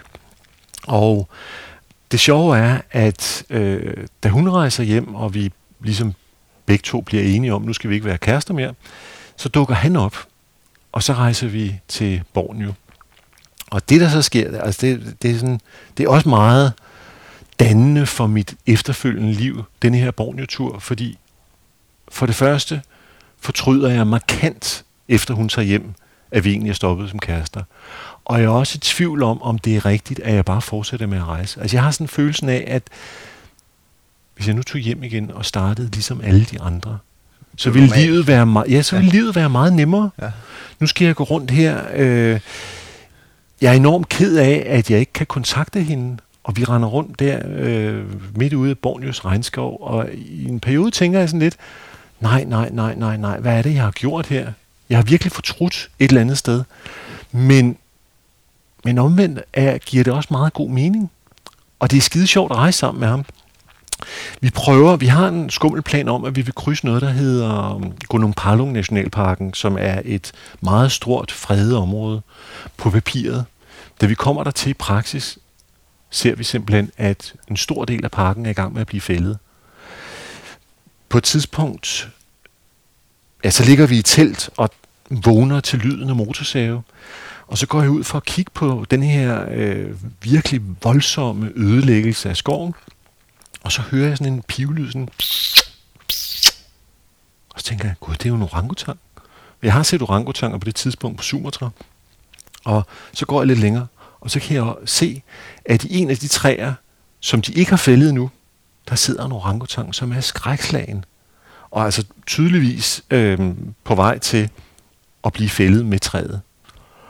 Så jeg går hen til Indonesien. Nej, nej, nej, I må ikke fælde det og sådan noget der. Den har ikke andre steder at komme hen, og jeg kan ikke tale nok indonesisk, og øh, de ender med at give den en pause. Og så går de over og fælder noget andet. Men den der følelse af, at man på papiret har et fredet område, som jeg tror, vi skal ud og opleve den vildeste regnskov, og så er det, så er det en, en miljøkatastrofe. Der er et eller andet der, hvor, hvor jeg tænker, det kan sgu ikke være rigtigt det her. Altså, hvad, hvad er det for noget? Hvordan kan det lade sig gøre, uden at vi ved noget om det? Og der tror jeg, at jeg får et sni af det der, eller også er det efterrationalisering, det ved jeg ikke, men et sni af, at jeg i virkeligheden gerne vil dokumentere sådan nogle ting. Desværre så, øh, mens vi prøver at komme fra det ene til det andet, så sker der dels det, at vi på et tidspunkt aftaler med nogen, at de skal hente os ude i skoven. Og det er vel at mærke i den intakte del af skoven, og så dukker de ikke op. Så Nick og jeg, vi sidder og venter. Og så går der først en dag, og så løber vi tør for, for sprit til trangasættet. Så begynder vi at spise de nudler, vi har med, uden at koge dem. Og vi har masser af vand, gudslov. Det er jo en af de... Den værste skræk, der overhovedet findes på den her klode, det er jo at løbe tør for vand. Så vi har ikke voldsomt meget mad, men, men, men vi skal nok klare os. Så venter vi et døgn til, og så venter vi et døgn til, og så lige så stille kan vi jo bare se, altså, vi bliver aldrig hentet. Og vi begynder også at blive, blive, blive trætte af ikke at få mad nok. Altså det er jo så en anden ting. Så tager man forkerte beslutninger, som du også selv har været inde på tidligere, at, at hvis man ikke har det der overskud, så kan man heller ikke tænke klart. Så vi pakker sammen, og så begynder vi at gå lige så stille. Og vi kigger efter, jeg ved ikke hvorfor jeg har den idé, men, men, men vi kigger efter hugmærker i træerne sat af andre. Øh, Nick, han er enormt sød, musikalsk dygtig fyr, men, men han, han synes ikke, det er sjovt. Og han kan ikke lide at gå foran, fordi så er han bange for at fare vild. Så det ender med, at han bliver på stien, og så zigzagger jeg og finder ruten tilbage. Øh, og det tager to dage, så kommer vi ind i landsbyen og spørger dem, hvorfor har I ikke hentet os? Og så, ja, der er mit sprog ikke godt nok, og det er en ikke heller ikke, men de siger et eller andet med, at der er noget, noget risdyrkning, et eller andet, så måske at de skulle plante ris, og de har ikke kunnet vente. Men der bliver han dårlig. Han bliver simpelthen syg. Og han begynder at få lidt trækninger i ansigtet. Jeg tænker, der er et eller helt galt. Så får jeg slæbt ham ud derfra. Vi er tre dages rejse fra en storby, der hedder Pontianak. Og der øh, får jeg så slæbt ham videre derfra via øh, Pontianak til Singapore. Og det vi krydser ind over grænsen til Singapore, altså cirka en uge efter, at han har fået de første symptomer, der, øh, der er han ved at kollapse. Og han har høj, høj feber. Det viser sig, at han har fået jernmalaria, altså falciparum som jo virkelig er noget skidt. Og øh, han bliver indlagt og er meget, meget tæt på at, at dø. Altså han, han ligger med drop og vender det hvide ud af øjnene og er helt, altså man kan slet ikke få kontakt til ham. Øh, han får også et sår på benet og sådan noget. Det er som om hele hans krop går i stykker lige så stille. Og øh, samtidig så går jeg ned på General Post Office. Det er jo på det her tidspunkt, hvor man ikke har, har mails, så man skriver breve til hinanden. Der går jeg ned og henter den post, der er fra fra den her pige, og fra mine forældre også. Men specielt for pigen er jeg jo lidt nysgerrig på, hvordan går det så? Og jeg åbner brevet, og der står, hun savner mig og alt muligt andet, og så tænker jeg, okay, det er da trods alt noget godt. Jeg overser et brev, hvor der står, det er slut, desværre. Jeg, jeg, jeg er nu sammen med ham her i stedet for. det får jeg dagen efter. Nej. Og der tænker jeg bare, for helvede, intet kører i mit liv. Jeg er uden uddannelse. Jeg aner ikke, hvordan jeg skal leve resten af mit liv. Jeg har mistet den pige, jeg troede var den eneste ene, og min bedste ven af alle ting i denne her svære situation ligger og ved at dø. Så øhm, jeg flyttede ind på en sovesal midt inde i Singapore. Og øhm, der tager jeg tilbage om aftenen. Og så får jeg virkelig ondt af mig selv. I et kort øjeblik, og det er jo enormt ynkeligt. Men jeg begynder at småtude, og tænker bare, for helvede altså, hvad er det, jeg har gjort? Og så synes jeg, jeg får sådan en allergisk reaktion over det hele. Jeg klør, så jeg går ud og tager et bad. Det viser sig, at jeg har fået lopper også. Altså, det er simpelthen så dårlig timing. Så sætter jeg mig, øh, så står jeg under bruseren, og så på et tidspunkt bliver jeg ligesom overmandet af træthed og sætter mig ned uheldigvis, sådan som mine testikler sætter sig fast i afløbet. Det er simpelthen bare, altså, det er bunden af bunden. og resten tager Og det der, du ved, det lige trækker i, i klokkesystemet, det er bare, altså, for helvede altså, lorteliv. Så, så forlader jeg sovesalen på grund af lopperne og rykker ind hos Nick og sover på hans badeværelse. Det er det eneste sted, han har sådan sit eget værelse. Det er det eneste sted, hvor der ikke er aircon. Det er ude på toilettet, hvor jeg kan ligesom krølle mig sammen rundt om kummen. Og der bor jeg så den næste uge for at passe på ham og sørge for, at han har, hvad han nu skal have. Og så tænker jeg, at jeg må gøre et eller andet. Det her, det går altså ikke. Men han kommer så heldigvis fuldstændig. Og faktisk først, da hans mor skriver, at han vil komme ud og, og hjælpe ham, at han tjekker ud fra hospitalet og pludselig får det så godt, at han, han kan flygte fra, fra hele den der modbydelige situation. Øhm, og, og så kommer jeg hjem igen, og så er jeg jo godt klar over, det her, det går jo ikke. Altså det, det der med at have ufaglært, midlertidig arbejde, og i virkeligheden ikke leve, når jeg er hjemme. Nej, det, det er bare... Altså, det, det er, er noget, der skal... Og... Det er det. Det er mange måneder i træk, som bare er ligesom noget, der skal overstås, for at jeg kan have et kort peak derude, og så bruger jeg alle ressourcerne, og så kommer jeg hjem igen og er deprimeret. Så jeg søger ind hos øh, Marco Polo. Ja. Jeg laver en, øh, en rejse, som inkluderer Komodoøen til dem. De laver nogle udregninger, som gør, at turen aldrig sælger. Så på et tidspunkt, mens jeg ligesom går og venter på, øh, bliver den til noget, eller bliver den ikke til noget, så er der en, der foreslår, hvorfor går du ikke ind til Albatros-rejser? Nu er vi fremme i 1990. Ja. 25 år. Og ja, 25 klar. år, ja.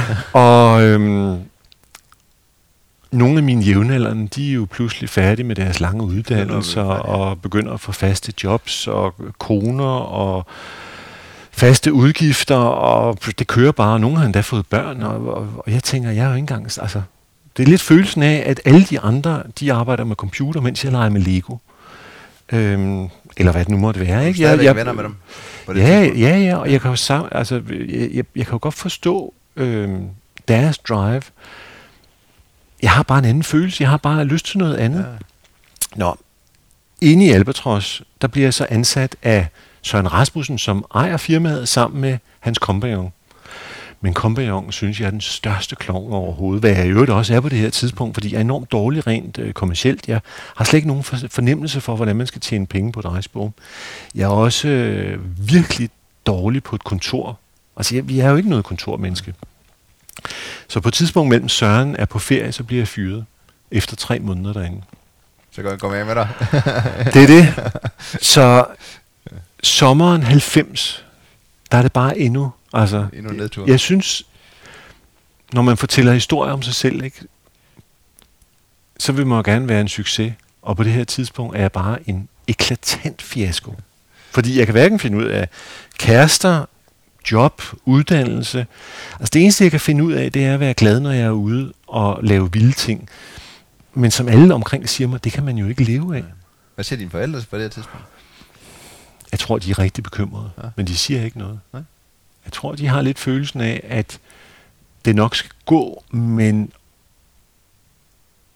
også, nu må jeg se at tage mig sammen. Ja. Men de stiller ikke nogen krav. Jeg, jeg, jeg bor i en fremlejet lejlighed, der er sådan en etværelses i på, øh, hvad hedder det, Adved Øre, som er så lille, at jeg kan sidde på toilettet og samtidig være i køkkenet og, og, og på sengen.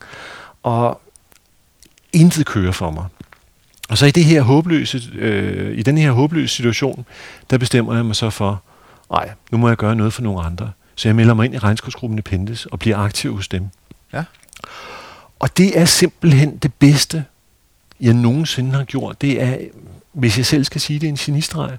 Fordi for det første, hele den der, øh, åh, jeg har så ondt af mig selv, det er så sørgeligt det hele. Det kan man jo ikke blive ved med. Det går jo ikke. Øh, det er jo sådan ynkeligt at ligge i fosterstilling og undre sig selv i stedet for at gøre et eller andet. Og i Independence, der får jeg pludselig et netværk af nogle enormt dygtige, sympatiske biologistuderende, som lærer mig en masse om, hvad der sker i regnskoven. Og det vil sige, at jeg kan pludselig koble nogle af mine erfaringer, som er praktiske, sammen med deres kan man sige, teoretiske viden, men også praktiske viden. Der er for eksempel en, der siger, at i stedet for at, altså, du ved, bare registrere et eller andet, så prøv at, at kigge efter nogle, nogle mere sådan konkrete ting. Måske, øh, hvis du godt kan lide krybdyr, jamen så undersøg, hvad det er for nogen, og hvad, hvad det er, de kræver. Og sådan. Jeg, så jeg får sådan en ekstra lag af viden, ja. en genvej fra dem, fordi de bare er meget, meget dygtige. Og jeg begynder at holde foredrag for regnskovsgruppen Appendis. Rigtig, rigtig mange foredrag. Men du kan jo vel også bidrage med billeder, og du har været ja, der? Ja, ja, men, men, men jeg synes, hvis jeg skal være helt ærlig, så er det dem, der giver mig rigtig ja. meget, og ikke den anden vej rundt. Øhm, var det stort på det tidspunkt her? Det var rigtig, rigtig stort. Det var der, hvor vi begyndte for, for alvor at snakke om, der kunne købe andel og alt muligt. Det er lige præcis det ja. her tidspunkt, og øh, der bliver lavet udstillinger rundt omkring. Jeg er med til blandt andet at lave en, en vandreudstilling i Helsingør. Øh, jeg bliver involveret ganske kun som sådan en praktisk gris til også at lave Randers Regnskovs version 1, som er en, en regnskovsudstilling i Randers, ja. som er enormt sjovt også at lave. Og øh, i slutningen af 90, der kommer der en penan fra Borneo. Penanerne, det er sådan nogle små skovnisser, som øh, tidligere har levet som nomader. Nu er det skov ved at blive fældet, og de har svært ved at overleve som nomader. De kæmper for at holde skoven, fordi skoven er ikke kun, kan man sige, en samling træer. Det er deres verden. Så ved at fjerne skoven fra dem, så knuser man simpelthen deres liv. Så de kæmper med tømmerfirmaerne. På det her tidspunkt i Danmark køber vi rigtig meget ucertificeret træ fra Borneo. Blandt andet ender øh, nogle af de her træer fra Borneo, øh, de ender i øh, lufthavnen ude i Kastrup, men de ender ved Gud også på Nationalmuseet. Så Unger, som han hedder, en meget, meget sød penan, han, øh, han kommer til Danmark for at få de penge, som Nationalmuseet har sparet ved at købe ucertificeret træ, få dem tilbage til kampen for regnskoven. Så vi prøver at lave forskellige aktiviteter, og øh, da jeg er den eneste, der taler lidt malaj på det her tidspunkt, så er det, så er det min øh, fornøjelse at hente ham og køre ham tilbage. Og vi bliver bare rigtig gode venner og hygger os. Og så siger han på et tidspunkt også, at øh, jeg har ikke noget pustrør. Altså, jeg synes, slutter nu prøver jeg. Øh, jeg har ikke noget kamera. Og en af de kunder, som Lars Ørlund havde den sommer, hvor jeg var guide sammen med ham, øh, har tilfældigvis en fotoforretning inde i København. Så vi tager derind, og så siger vi til Svend Erik, Svend Erik, har du ikke et kamera til den her udmærkede mand fra Borneo? Jo, jo, siger han så, og så får unger et kamera.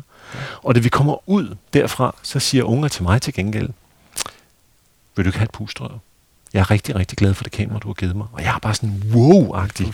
Hvor er det stort. Ja, jeg ved, hvor længe de er om at lave dem også. Ja, ja, det er jo et fantastisk håndværk. Altså, det er jo lavet med kærlighed, og det tager tid og noget. Og lige så stille bliver jeg mere og mere involveret i den her kamp for deres skov. Ja. Og jeg ender med at tage ud i et forsøg på at sige hej til unger og se hans skov og hente pusterøret, øh, bliver involveret i, i, i endnu flere af de her konflikter. Og høre, at der er en kæmpe stor regnskovsblokade i gang. Langt pokkervold fra alting. Og de spørger, vil du ikke nok tage ud og dokumentere den? Der er ikke nogen, der har været derude nu. Dem, der har prøvet at komme derind, de er blevet anholdt af politiet og militæret. Så jeg tager hjem. Jeg ender med i øvrigt at blive st- øh, stukket af en, en, en fyr, man ikke kan stole på i det her område. Så jeg må flygte til Brunei under en, en masse strabasser, og har den der følelse af, wow, hvor er det her spændende. Det er da 10 gange mere øh, indholdsrigt at begynde at engagere sig i deres kamp, end det er i virkeligheden bare at rejse rundt på mor og få. Så, så i 90, der starter det der, sådan, kan man sige, mere projektorienteret, at man rejser ikke bare for at være væk, men i høj grad også, fordi der er et formål med det. Ja. Øhm, og sådan historien meget kort, jeg ender med at, at søge nogle fonde og få noget hjælp til at søge fonde fra Regnskovsgruppen Pendes, får nogle penge, hyre en fotograf. Fotografen ender ikke med at kunne tage hele vejen med ud til blokaden. Det lykkes mig til gengæld at træske ind til blokaden under en masse vilde strabasser. Øh, blandt andet på et tidspunkt er der en militærhelikopter efter penanerne og mig. Og jeg gemmer mig i et langhus, og så piler penanerne ud og gemmer mine sko, fordi de tror, at man op fra luften kan se, at der går en i størrelse 47. Det er ikke en lokal penan, så kommer de ned her. Altså det er sådan en meget øh, intens og, og dramatisk historie. Og, øh, og jeg får optagelserne ud derudefra. Jeg smuler dem ud i et kassettebånd. Øh, under vilde omstændigheder lykkedes det at få alle optagelserne, ikke alene med i et program i Danmark, men de ryger også internationalt, blandt andet til USA. Forskellige øh, amerikanske tv-stationer ender med at bringe dem. Og hele det netværk af regnskovsinteresserede unge fra Vesten bruger de her optagelser, så de ryger også til Australien og alt muligt andet. Og det giver bare sådan et kæmpe kick. Ja. Du har og, lavet noget, der, kan, der gør en forskel. Ja, det er det. Ja. Og samtidig med, at det her sker, øh, nu er vi så i, i slutningen af 91-92, ja. så bliver jeg genansat i Albatros, fordi Albatros to ejere er blevet til en. Ham, som ansatte mig i første omgang, han har nu firmaet for sig selv. Det var Søren. Eller Søren Rasmussen ja. hedder han. Meget, meget sød fyr. Ja. Og han, øh, han siger til mig på et tidspunkt, du skal ikke være ked af det job, som du mistede, fordi det var også et værre lort job.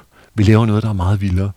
Øhm, du kan tage nogle af dine regnskovsvenner med, og så lad os prøve at se, om ikke vi kan lave et forsøg på at øh, åbne hele diskussionen for ansvarlig turisme, økoturisme, altså en ikke ødelæggende form for langsigtet turisme, hvor man bidrager til lokalsamfundene i stedet for at hive tæppet væk under dem.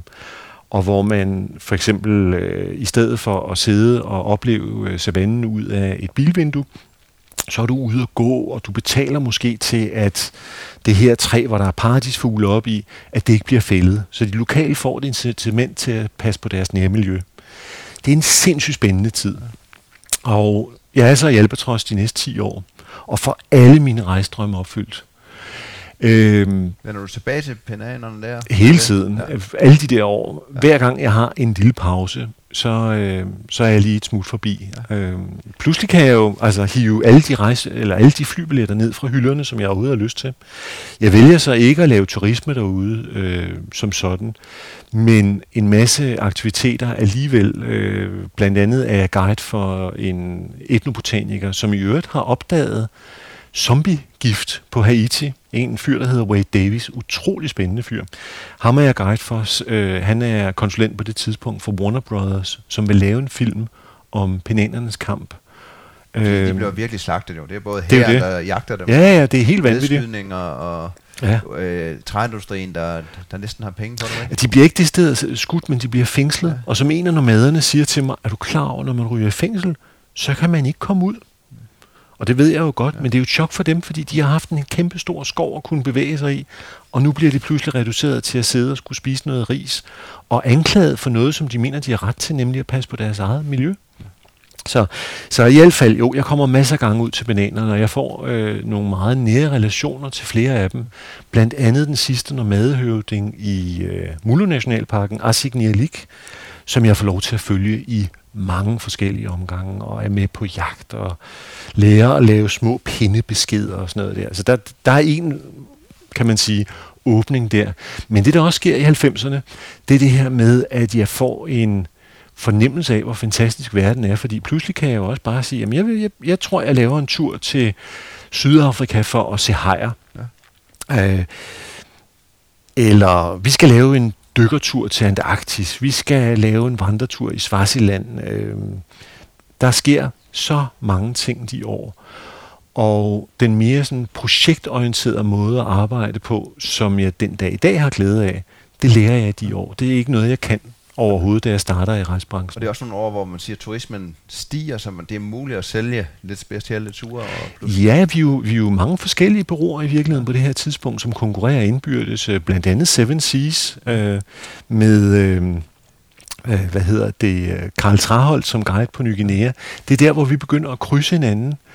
Og øh, hvad hedder det nu? Øh, øh, Travel Life ja. med Vagn Bjerre er jo også en Vagn anden af, ja, ja. af, af konkurrenterne. Ja, ja, men der, der er mange af de der der. er mange af dem der, der går og, ind over og, hinanden. og, og, og Claus, som du også har interviewet, som... som øh, nej, ham har du ikke Nej, interviewet ikke nu. Claus. Ham skal du se at få, få gjort noget ved. Men i hvert fald, der er flere af de der udmærkede mennesker, som uafhængig af hinanden forsøger at lave nogle tiltag, som ikke er så ødelæggende. Men det, der sker også, det er, at, øh, at Karl, undskyld, øh, Claus, hvad er det, han hedder til efternavn? Jeg kan ikke huske det nu. Øh, Kærby. Kærby, ja. Ja. Claus Kærby på et tidspunkt siger til mig, i måske 96, tror du ikke i virkeligheden, at det ville være bedre, hvis vi bare holdt os til at lave turisme der, hvor der allerede var masser af turister? For eksempel Mallorca. Altså, hvor meget kan man ødelægge der i forhold til, hvis man hiver folk til det indre Ny Guinea? Og sådan, i første omgang, så tænker jeg lidt sådan, ah, hvordan er hvorledes? Men jeg begynder sådan at have, som årene går, så bliver den sætning ved med at komme tilbage til mig. Altså, Claus Kærbys klarsyn omkring turisme rammer mig på en eller anden måde alligevel. Men i slut 90'erne, jeg har fast job, jeg har en kone, jeg hygger mig, og når jeg synes, jeg får for meget af IKEA og hverdag, jamen så kan jeg tage ud til hele kloden og lege. Og der er rigtig mange omkring mig, der siger, hvor heldig jeg er. Men, men jeg har stadigvæk sådan en st- stigende følelse af, at nu har jeg næsten prøvet det hele. Jeg har lyst til at prøve noget andet, og jeg har bare ingen idé om, hvad det andet er. Nej. Øhm, og samtidig med det her med turisme, indimellem ser jeg jo også nogle, nogle, nogle grumme ting, øh, hvor turismen ved Gud ikke fungerer særlig godt, eller hvor nogle af mine kunder øh, for eksempel behandler nogle af de lokale med manglende respekt, eller øh, ikke vil bidrage til fællesskabet. Det er jo så også en af vilkårene, når man rejser, eller når man laver øh, sådan ekspeditionsagtige ture, Yep. at her handler det ikke om en uge, fordi de fleste mennesker kan lade som om, at de er søde og rare på en uge. Og det kan de måske også holde to uger, men er de tre eller fire uger afsted, jamen, så falder man igennem. Og også især hvis man bliver presset. Nu Ja. kender jeg det mest for kulde, ikke? Jo, folk bliver selvfølgelig. sultne og kolde. Og Ja, sådan. det er det. Men, så den der facade kan du ikke holde jo. Nej. Og det gør, at lige så stille, så begynder jeg også at blive lidt, sådan lidt, ah, måske var det på tide at prøve noget andet. Også selvom alle siger, hvor er jeg heldig. I 00 bliver jeg så far. Ja. Og der, der, der sker ret mange ting på det tidspunkt. Jeg mister også min mor. Min far han er død i 96.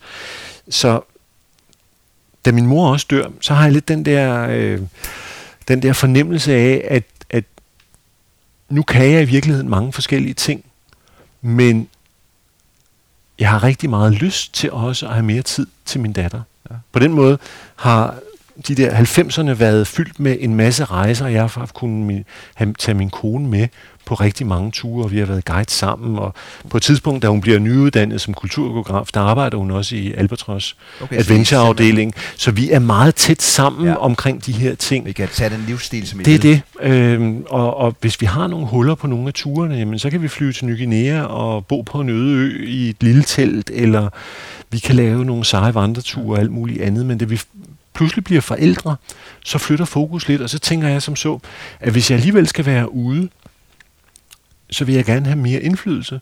Og jeg savner i virkeligheden det der med selv at kunne bestemme 100%, fordi i Albatros, der indgår jeg jo som en del af et team, og der skal koordineres og alt muligt ja. andet, og jeg er fastansat øh, med alle de fordele, men også de ulemper, der er. Der skal jo være ekstra antal ture. Og, ja, ja, sådan er det jo bare. Ja. Øh, men i modsætning til flere af turlederne, så har jeg jo både indimellem en rolle som, som sælger og foredragsholder og øh, projektleder eller sådan en innovationsafdeling øh, i de der øh, albatros-år. Ja.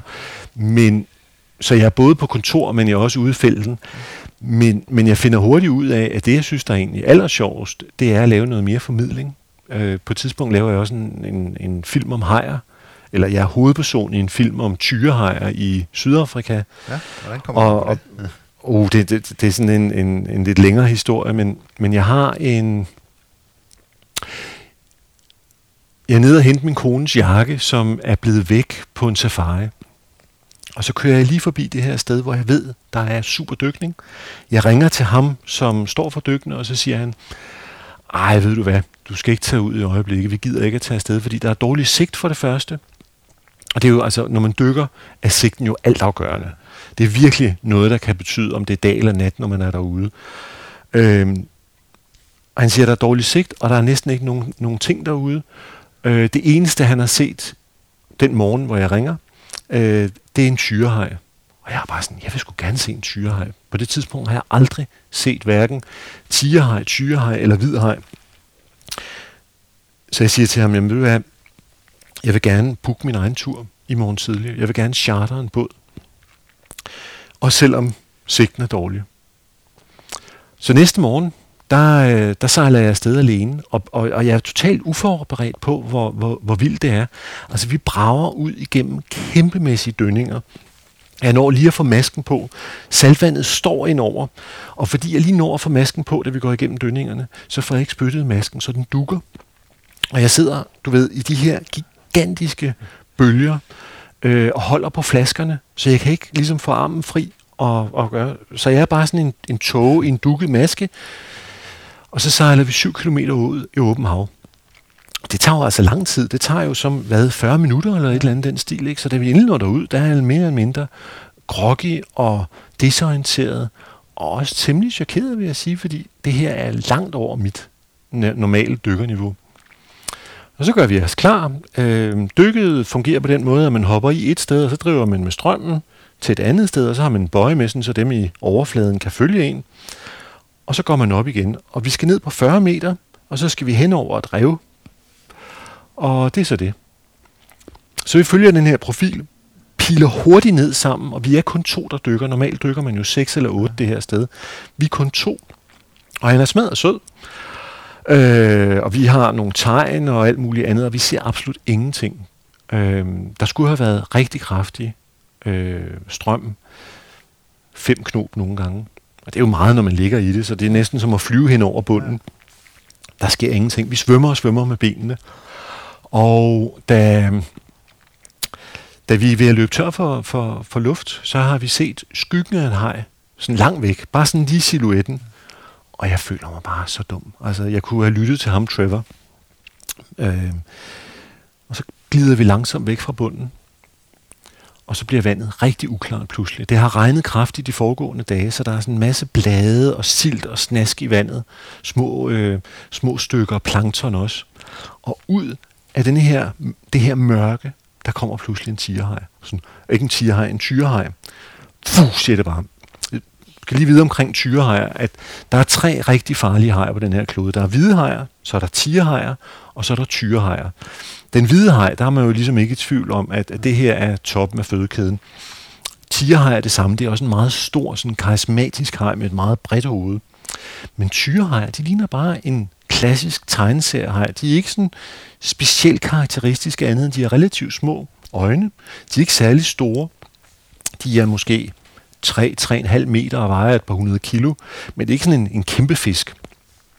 Det, der er specielt ved dem, det er, at de har et exceptionelt højt testosteron øh, niveau, som gør, at altså det der med tyr, det er ikke fordi, de ligner en tyr, men, men dem, der ved noget om det, de siger, at de opfører sig ligesom en tyr. Når først de begynder at bide en eller anden, så bliver de ved. Tænder de. De er virkelig tændte ja. og, og, og har kort lunde. Plus de er almindeligt forekommende overalt langs med ekvator, så de er både i teoretisk set i ferskvand og i saltvand. Det er også lidt specielt. Så der er forholdsvis mange mennesker, der, der bliver bidt af dem. Øh, nogle år senere interviewer jeg ham, der laver statistik på alle hajangreb, og han siger, at for ham er tyrehajer ultimativt den værste haj at være i vandet med. Langt værre end, end tigerhajer og store hvide hajer. Øh, men den her haj, den kommer sådan ligesom ind, og så drejer den af igen. Og man har den der følelse af, huh, det, var den. det lige trækker sig lidt i mellemgulvet, fordi under vandet ser tingene større ud. Og den er bare meget, meget tættere på, end jeg havde forestillet mig. Og så kan jeg mærke, at ham jeg dykker med, han begynder at blive utryg. Man kan sådan ligesom fornemme, at hans øh, åndedræt øges. Ja. Der kommer lidt flere bobler ud. Han får lidt hurtigere bevægelser, og det smitter af for mig. Ja. Og jeg tænker bare, rolig, rolig, overblik, så kommer der en til. Og jeg ved jo så ikke, om det er det samme individ, eller om der er flere. Nej. Og så skal vi op, fordi vi har været så dybt, så skal vi lige ligge og gasse af, og have boblerne ud af systemet, og der ligger vi så stille. Og der er de så. Der kommer de sådan i ny og næ. De er bare inde og kigge. Det er ikke fordi, altså de er sådan lidt udtryksløse. Man har følelsen af, at de kan komme når som helst. I overvåget. Så kommer vi op til overfladen, og så kan vi ikke se båden. Den har jo ellers fulgt os, men man er midt ude i åben hav, så det er jo store dønninger. Så det ene øjeblik er vi oppe, så er vi nede. Og jeg har følelsen af, at hejerne har fulgt med os. Og det der er med hajangreb, det er jo, at, at med tyrehajer, der er, det, der er det underkæben, som holder fast, så den ligesom bliver skubbet ud og griber fat, for eksempel i ens underben. Og så er det overkæben, som saver. Og historien skulle være, at du mærker sådan, at du rykker i benet sådan, up, og når du så tager hånden ned, så kan du kun mærke det varme fra blodet, der strømmer ud. Det er jo sådan noget, jeg har læst som dreng også, ikke? Så jeg ligger der i overfladen, og jeg føler mig simpelthen så udsat. Og normalt, når man ikke kan se sin båd, så tager man sine svømmefødder af, og så signalerer man. Og jeg tænker bare, nej, jeg skal sgu have de der svømmefødder på, øh, fordi det giver alligevel lidt ekstra, de kan bide i. Og øh, så kommer båden. Og ham, jeg har svømmet sammen med, han er oppe i båden, før jeg overhovedet kan sige hej, med fuld tank. Altså, fu, siger det bare. Så er han væk, og så er jeg alene. Og i det øjeblik, jeg så skal svømme det sidste stykke, så får jeg krampe i benet. Rigtig krampe. Altså, fordi vi, bare, vi har simpelthen svømmet så langt. Og på det tidspunkt, så er der ligesom to valgmuligheder. Et, jeg kan kråle alt, hvad jeg overhovedet kan i total panik og plaske så meget, at jeg risikerer at blive bidt eller jeg kan lave udstrækningsøvelser og forlænge mit ophold i vandet, hvad jeg på ingen måde har lyst til, eller jeg kan svømme lige så stille hundesvømning. Så jeg gør det sidste. Jeg prøver meget, meget langsomt, sådan slow motion, at bevæge mig som et andet dogndyr over mod båden. Og det vi kommer derover normalt, når man skal ud af vandet, så tager man jo sådan først vægtbæltet, og så flaskerne og alt muligt andet. Jeg råber bare til dem, træk mig op. Ja. Og det gør de, så de hiver mig simpelthen ombord som sådan en strandet val. og følelsen af, at fødderne forlader vandoverfladen, der har bare sådan, jeg, du kan se, jeg får kuldegysninger igen. Jeg har bare sådan, det gør jeg aldrig igen. Men det pussy er, at da jeg så øh, kommer hjem til Danmark, så fortæller jeg det til nogen, som jeg har hjulpet med at lave film på Borneo sammen med. Og de siger, åh fedt, det var da en fantastisk historie, det skal vi da lave en film om. Og øh, vi ender med at tage ned igen så, og så øh, oplever vi slet ikke noget, der er lige så vildt. Men ham, som jeg dykker med i øvrigt, han stopper. Den dag, hvor vi forlader vandet, der stopper han som dykker, og han kommer ikke ud igen. Han, skal ikke, uh... han lever af efterfølgende, i hvert fald da jeg ser ham sidst, der lever han af at reparere svømmepølen. Han skal ikke overhovedet i. Så altså, han har virkelig været mindst lige så bange som jeg. Puha! Nå, men, men, men, øh, men det pussy, der så sker, nu skal jeg måske lige moderere mig lidt, men det, det pussy, der sker i den øh, sammenhæng, det er, at øh, jeg bliver bidt af en flåt. Jeg er ude at gå med min udmærkede kone på savannen, og jeg bliver bidt af en, en flåt mellem tæerne, og får øh, høj feber. Så da vi skal til at lave de her optagelser, så kommer jeg ikke særlig meget ud. Så tror jeg simpelthen, jeg er blevet, jeg har fået dykkersyge. Og øh, vi ender med at lave et, et meget anderledes program, som, som slet ikke bliver lige så sejt og spændende, som, som det, det skulle have været overhovedet. Men jeg får også fornemmelsen af, hvor svært det er at lave fjernsyn. Og øh, en, af, en af kravene til det her program, det er, at jeg blandt andet skal tale under vandet. Og min næse er for stor til, at den maske, som jeg skal tale igennem, en hel maske, ja. at jeg overhovedet kan dykke med den. Så ender med også at sprænge og få næseblod og alt muligt andet. Så, så det er sådan meget, øh, altså, det er også noget, man skal lære, det her med, at nu pludselig er det en ny retning og noget. Så, så det, er nogle, det er nogle vilde dage. Øh, programmet bliver vist, og det er ikke så katastrofalt, som det kunne have været, men det er heller ikke en dundet succes. Det er ikke en, man vinder priser på. Så, så du, er, du, er ikke film, du filmer ikke på det her? Øh, jeg starter med at filme, og kameraet drukner. Det er et, jeg har lejet og øh, det får simpelthen vand ind. Så vi ender med at hyre en meget sød sydafrikansk øh, undervandsfotograf, som, som står for alle optagelserne. Og en del af de snakke, som jeg skal have under vandet, de bliver lavet i en svømmepøl til sidst, som en nødløsning, fordi jeg simpelthen ikke kan dykke med den der hele maske. Jeg bliver ved med at have næseblod, hver gang jeg dykker med den. Så altså, meget dramatisk, men det giver også den der oplevelse af, at det er skide sjovt at lave fjernsyn. Ja. Det og det har jeg så med da jeg er ude og filme sæler. Det, jeg starter et undervandsfirma i 98 sammen med nogle andre. Ja. Og ideen er, at vi i virkeligheden skal lave nogle dokumentarfilm om, hvad der foregår under vandet. Og en af opgaverne er at lave nogle billeder af, hvordan man fanger sæler og sætter sender på til sådan noget miljøovervågning, som Danmarks Miljøundersøgelser laver. Ja. Og det er om efteråret.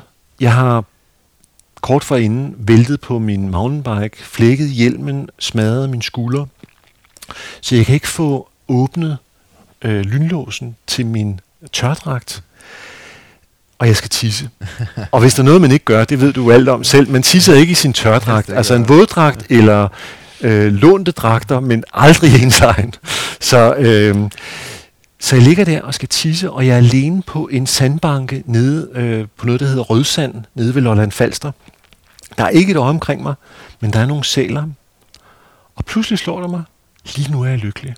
Lige det her øjeblik. Altså, der er et eller andet omkring den her lidt groteske situation med, at jeg ikke helt er, er i stand til at styre min blære, men samtidig, hvor er det fedt det her. Og det slår mig, jeg siger op i morgen. Og det gør jeg så. Jeg tager ind og får tårer i øjnene, da jeg siger til Søren, efter 10 års fantastiske oplevelser, jeg stopper nu. Og der starter jeg så som selvstændig. Ja. Og øh, Ja, det er så, det er, som burgerfirma, som Centro, eller hvad starter du som selvstændig? Altså, min kone kalder mig Heirik Ede Lassen, ja. eller Ede Lassen faktisk. Øh, jeg er vild med hej, og det har jeg været lige siden jeg er dreng. Så min, min første plan, det er, at jeg vil lave en masse film om hajer. Ja. Og det er jo som forretningsplan betragtet temmelig hjernedødt, fordi det kan man formodentlig ikke leve af i Danmark. Øh, der er ikke særlig mange, der gør det i hvert fald. Øh, så relativt hurtigt, så ender jeg med at lave film, også hvor øh, for eksempel om marsvin, det er den første sådan, større produktion, jeg er involveret i. Øh, altså ikke, du ved, kæledyret, men marsvinet, valen, ude i vandet, og øh, bifangst, og hele problematikken med, at marsvinen indimellem går i nedgarn og drukner. Og der begynder jeg at lave overvandsbilleder, og lige så stille kommer der mere og mere af det. Og så finder jeg bare ud af, at jeg synes, det er skide sjovt at have sådan et projekt, hvor man ikke bare på en dag skal ud, men måske hvor det er et forløb på fem måneder i træk, hvor man skal bruge en masse tid i naturen. Øhm, det andet, der sker i den periode, det er, at jeg nyder også at være selvstændig at kunne tage en dag fri, hvis øh, der er børns første sygedag, eller altså hele den der fleksibilitet. Så du får både, øh, hvad skal man sige, opfyldt din ønske om at være i natur, men du får også det ønske om at være sammen med, med din datter og familie, ja, når du er hjemme. det er det. Ja. Og jeg synes, jeg får bedre tid til det. Ja. Øhm, på et tidspunkt der midt af 90'erne, så siger min kone til mig, du bliver altså nødt til at sige, hvor mange måneder du skal være afsted på. Du kan ikke bare sige ja til det hele, hvad er det, det kræver? Kræver det, at du skal være væk en måned? Kræver det to måneder, tre måneder, fire måneder? Kom med et eller andet, så må vi lave en aftale, så du bedre kan fokusere, i stedet for bare at tage det første og det bedste. Og den aftale følger vi nu her, da, da jeg ender med at sige fire måneder. Ja. Og, øh, og den, det forudsætter så, at, at okay, hvis jeg er væk fire måneder, ikke nødvendigvis i træk, men i små spredsø, så har jeg også bare at være nærværende, når jeg så er der. Så jeg ikke hele tiden ligger, du ved, og læser rejsebøger og beskrivelser, eller ser National Geographic. Øhm, så det er med til også at give noget fokus. Også med til at sige, okay, øhm, hvis antallet af dage er fire måneder, så er det jo ikke lige meget, om jeg bliver øh, fire måneder i Hartsen, eller om jeg tager til Bhutan. Nej. Så ergo skal jeg til at prioritere, og det er en ret sund øvelse ja. i virkeligheden. Så, så, øh, så den tager jeg med, da jeg starter Zoom Media. Ja. Hvorfor navnet Zoom Media? Fordi det er videnskabsformidling, skråstreg, naturformidling, så det er Zoom ja. og media, det er jo, hvad det er, media, og så Zoo, fordi det er noget med dyr, ja. fordi det er det, der tænder mig. Så det er sådan, ja. Øh, og nu starter du et medie. Er, er, er det bare din fotografiske, eller har, har, har du, hvordan kan den du er ikke fotograf? Uddannet. Nej, jeg er hverken det ene eller det andet jo. Øh, I virkeligheden tror jeg bare, at, at altså, den glæde, det er at filme de der sæler, det tænker, og plus, jeg har også været involveret, jeg har været guide for flere forskellige andre tv-hold undervejs, både i Afrika og i Asien og i Sydamerika på det her tidspunkt. Så, så jeg har jo set, hvordan nogle af de tv-hold arbejder, ja. og det har pint og pladet mig de gange, hvor jeg har set, at nogle af dem har ikke givet for eksempel at gå de sidste tre kilometer, selvom jeg har vidst, der var noget fantastisk, som ville passe enormt godt til filmen. Øhm, der er blandt andet i en nationalpark på Borneo et, et sted, hvor der er nogle specielle kødhedende planter, og jeg har tv-hold derude, og de nægter at gå de få meter op og se dem, fordi det er jo bare planter. Hvor jeg har sådan, hvis det var mig, der styrede det, så havde jeg selv gået op, og så havde jeg lavet de billeder, der skulle til. Så jeg tænker også sådan lidt, måske kan jeg gøre det på en anden måde. Ikke nødvendigvis bedre, men, men, men jeg kan bruge noget mere tid på det, jeg er god til. Og det er at være i naturen. Plus de her 10 år, hvor jeg rejser i alle de fedeste nationalparker på hele kloden, der får jeg dels en masse lokale kontakter, og dels en masse erfaringer. Så jeg har også lyst til ligesom at bruge den faglighed, som jeg jo ikke havde, da jeg rejste rundt på egen hånd. Og så kan man også sige, hvis man filmer selv, så, så, så er man jo egen herre, plus at man, man er også et mindre aftryk, hvis man, man kan det med. At du kan både rejse, du skal ikke have en guide med. Nej, det er det. Andre, og Nej, jeg kan finde på en tallerken, ja. og jeg kan give den den ekstra tid, det er ved at bare være på stedet længere tid.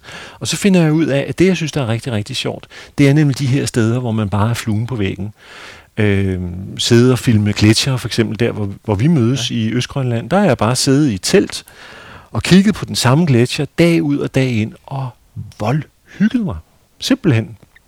Så, så, øhm, så, så det er det, jeg lige så stille finder ud. I starten af målet at lave øh, formidling til fjernsynet, fordi det er det, der fylder meget i starten af nullerne. Ja i det mål for at ligesom hul på ved at dels lave en, et, et program til National Geographic. Jeg klipper det ikke selv, men jeg filmer alt, øh, som handler om en øh, narvalsforsker, som arbejder i Kanada og sætter sendere på narvaler for at følge deres øh, migrationsruter. Ja. Og det er et sindssygt sjovt øh, projekt.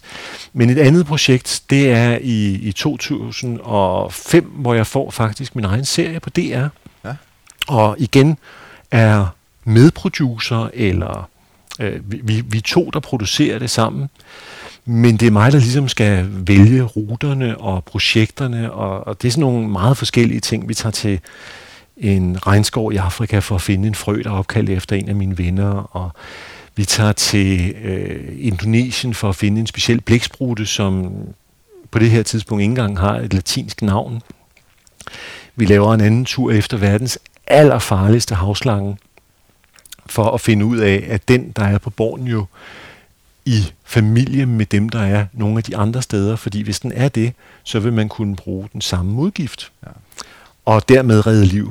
Så, så lige så stille, altså det bliver en masse forskellige øh, pussy oplevelser. Jeg husker, jeg har set programmerne, men ligger ja. de stadigvæk tilgængelige? Det ved jeg faktisk jeg ikke. skal prøve at søge på dem. Ja. Så skal jeg nok linke til dem, hvis jeg finder dem. Ja, altså jeg, jeg vil sige, øh, i forhold til hvad der bliver produceret i dag, så er de jo ikke så fantastiske. Jeg er jo meget øh, uerfaren på det her tidspunkt, Nå, og jeg er heller ikke nogen... Øh, jeg er ikke noget geni som guide, men det er nogle sjove projekter. Jeg husker det med havslangen, I skal finde ja, gift der. det er skide og, sjovt.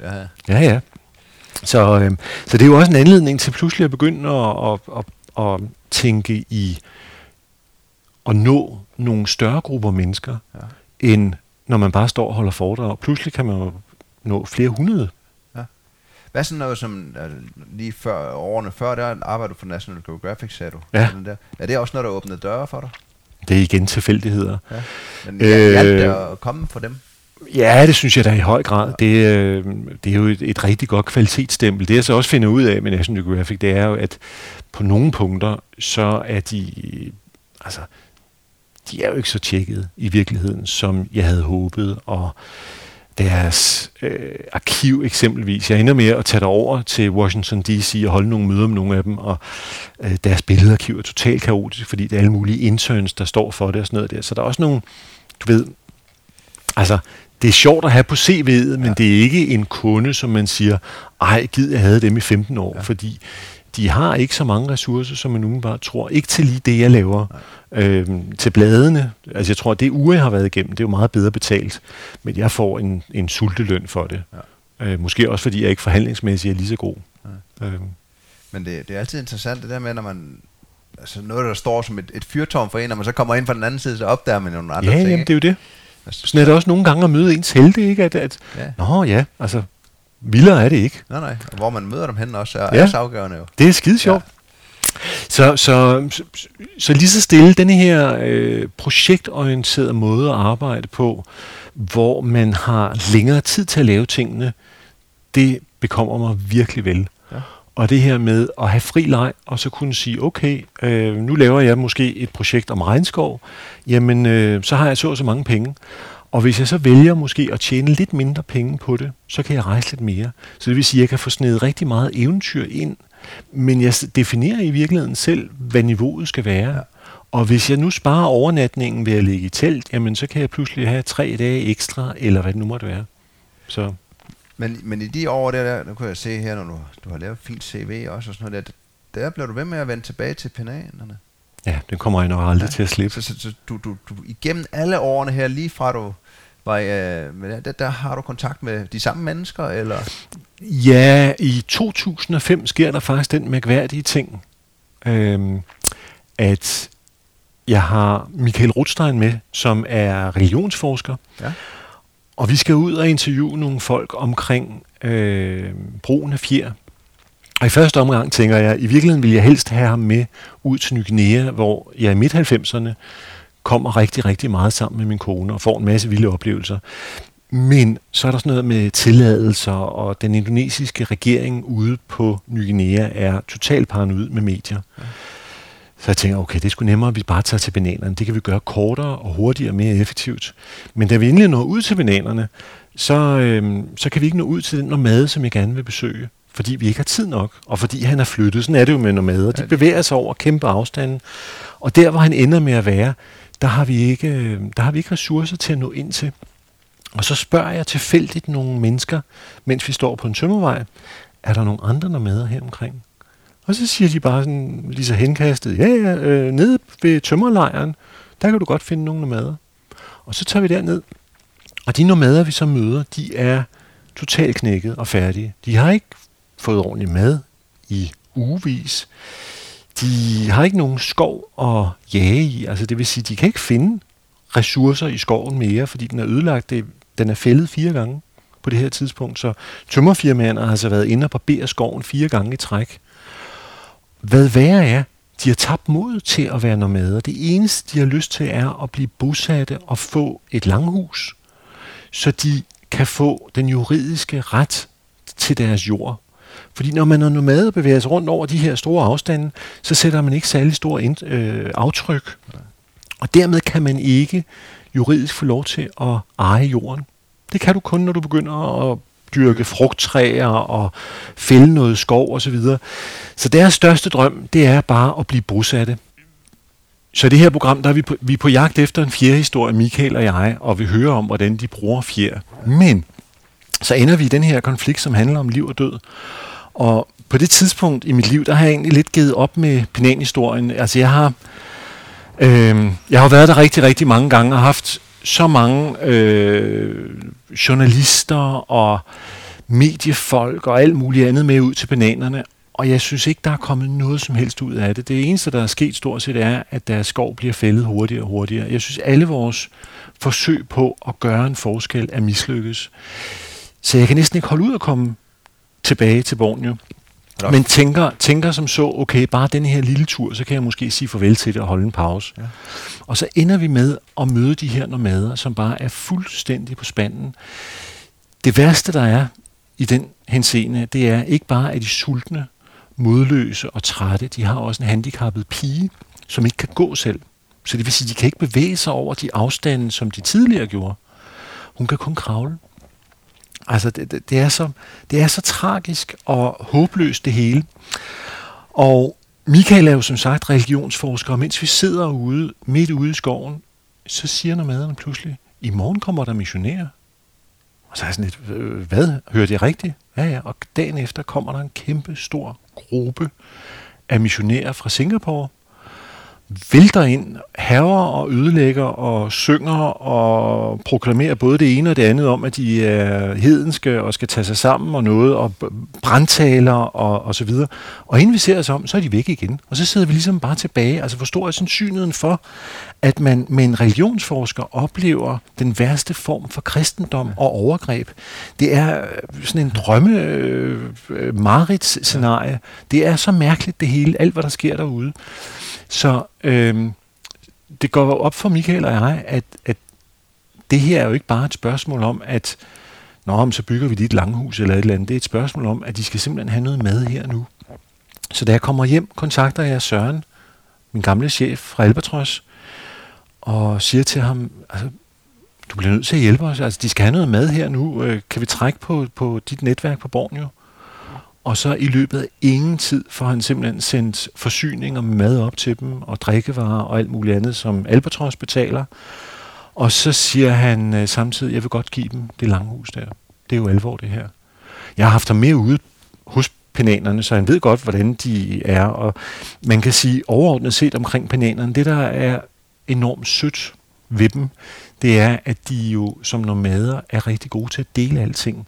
De har simpelthen en evne til at være milde og gode. Ja. Så det er en markant kontrast til for eksempel nogle af de krigerkulturer, der er på Ny Guinea, hvor øh, den stærkeste hele tiden bare stjæler alt. Ja. Her sætter de sig, når de kommer hjem, øh, efter de har været på jagt, har de en abe, så er det det, de deler, selvom de er 10 mennesker. Har de en kæmpestor kris, jamen, så giver det meget god mening. Men uanset om det så er et halvdødt æren, så deler man. Det at kunne dele er en hjørnesten i deres kultur. Og dem, der ikke kan dele, ja. det er dem, som virkelig er, altså, de forstår simpelthen ikke, hvordan resten af verden fungerer, ja. fordi den jo, set med deres øjne, er så brutal. Ja. Og det er også derfor, at i mange kulturer vi ikke har en handicappet pige. De det vil have slået den ihjel. Ja, ja, det er jo det. Ved fødslen. Der, ja. der, der, der tænker de, jamen, det, det, det er et lod. Ja. ja. Så, øhm, så, så lige så stille bliver jeg så også involveret i at få, få bygget et langhus derude og, og, og finde ud af, hvor skal det leve, ligge, og, og, og hvad skal vi gøre med de her stakkels folk. Så i, altså selvom jeg egentlig instinktivt havde indstillet mig på, at, at der ikke var mere at gøre på Borneo, så bliver fra 2005 og øh, frem til 2013, der kommer rigtig mange Borneo-ture ind over, ja. øh, hvor det simpelthen handler om akut at gøre en forskel. Og det pussy er så, at, eller ikke pussy, det er jo dybt, dybt, dybt tragisk, men, men det mærkværdige er, så får de deres langhus, og alt er godt. Der går total IKEA i den derude. Øh, en af udgangspunkterne er, at de skal have langhuset ved selv at medvirke. De skal selv lære at bygge det. Ja. Så det er ikke sådan noget med, at de bare får et eller andet øh, halvfabrika. Øhm, ham, der ender med at være projektleder på det, en meget, meget dygtig fyr, en af Michaels studerende, som hedder Karsten, han ender med at bo derude sammen med nogle fastboende nomader, og så lærer han Han har en håndværksmæssig baggrund, så han, han kan sagtens bruge både motorsave og alt muligt andet. Og han lærer de der nomader at, at regne, for eksempel, okay, hvis vi skal en meter længere ud, hvordan gør vi så i praksis? Og, øh, og det jeg så kommer ud, jeg er undervejs også derude nogle gange, men, men da jeg kommer ud efter at huset er færdigt, så er de bare, de er så glade og så stolte, fordi de netop har puttet deres eget, øh, kan man sige, kraft og, og, og saft i det. Ja. Og, øhm, og så tænker jeg som så, nu er alting godt. Kort efter jeg er derude en af gangene, så kommer et oliefirma, som hedder Petronas, det øh, malaysiske olieselskab. De kommer op i en firehjulstrækker til nomaderne og låner to nomader. Siger, at de skal bruge nogen til nogle filmoptagelser, hvor de har brug for nogen, der kan skyde dem pustrør. Og så kører de afsted på de her tømmerveje, og for at komme ud fra, fra kysten, hvor hovedkvarteret er, og derop, det er sådan en køretur på, lad os sige, 8 timer. Der har de så hvert fald med sikkerhed passeret de første 8, 12 langhuse, hvor de lige så godt kunne have stoppet og spurgt nogen. Men de kører ud til nomaderne, som jo på papiret ikke rigtig eksisterer, fordi de her nomader ikke har et sygesikringsbevis. De er ikke en officiel del af Malaysia. Det vil sige, de kan ikke modtage ydelser fra det officielle Malaysia, men to, der er heller ikke nogen af de officielle Malaysia, der præcis ved, hvor mange de er. Den ene af de to fyre, som bliver hentet med fjølstrækkeren, springer af i farten, da der er plads, og kommer hjem igen. Og den anden er ikke set siden. Og nogle vurderinger er, at øh, ham, der ikke bliver set igen, han får skåret hovedet af og indgår i nogle gamle rituelle ting øh, omkring hovedjæger, hvor de har indvidet en eller anden bro. Øh, det er der flere uafhængige end anden, der har sagt. Men når maden tror, han stadigvæk lever, men han er blevet forhekset. Men at han nu går rundt baglæns i øvrigt af alle ting ude ved kysten i en meget ødelagt nationalpark, der lever han så, og der skal de så ud og finde ham. Så alle nomaderne tager ud til kysten for at leve sammen og finde ud af, hvor han er. Og i mellemtiden rykker olieselskabet så ind, så det er så også en knivtangsmanøvre. Altså længe nomaderne har været oppe der, hvor de bor, så har de kunnet holde oliefirmaet væk. Men det øjeblik, at de bliver tvunget ud til kysten for at lede efter deres ven, så rykker oliefirmaet ind for at etablere øh, olieledningen tværs igennem deres jagtområde, uden at kompensere dem så meget som en indkrone. Og øh, det næste, der så sker derop, det er endnu mere mærkværdigt. Det er, at missionærerne bygger en kirke, som under et stormvejr falder fuldstændig sammen og er så tæt på at slå en af nomaderne ihjel. Øh, hele fronten vælter ned over dem. Øh, og der er også nogle børn, der er ved at komme galt af sted og sådan noget. Så, så bogstaveligt talt er vi at dø af kristendom. Og for at kompensere for det, hvilket også er mærkværdigt, så bestemmer øh, Rotary sig for i Brunei, Brunei er jo et selvstændigt land ja. ved siden af. Det her foregår i, i Sarawak, den malaysiske del af Borneo. Men lige ved siden af er der Brunei, og øhm, der har vi Rotary, og det er jo sådan en organisation, som laver forskellige hjælpeprojekter. Og de bestemmer sig så for, at når maderne et skal have el, hvad de synes er helt fantastisk, to, de får et fjernsyn, og de får en DVD-afspiller og tre Rambo-film. Altså det, det, er ikke, det, det lyder som et eller andet, jeg har fundet på. Det er så syret.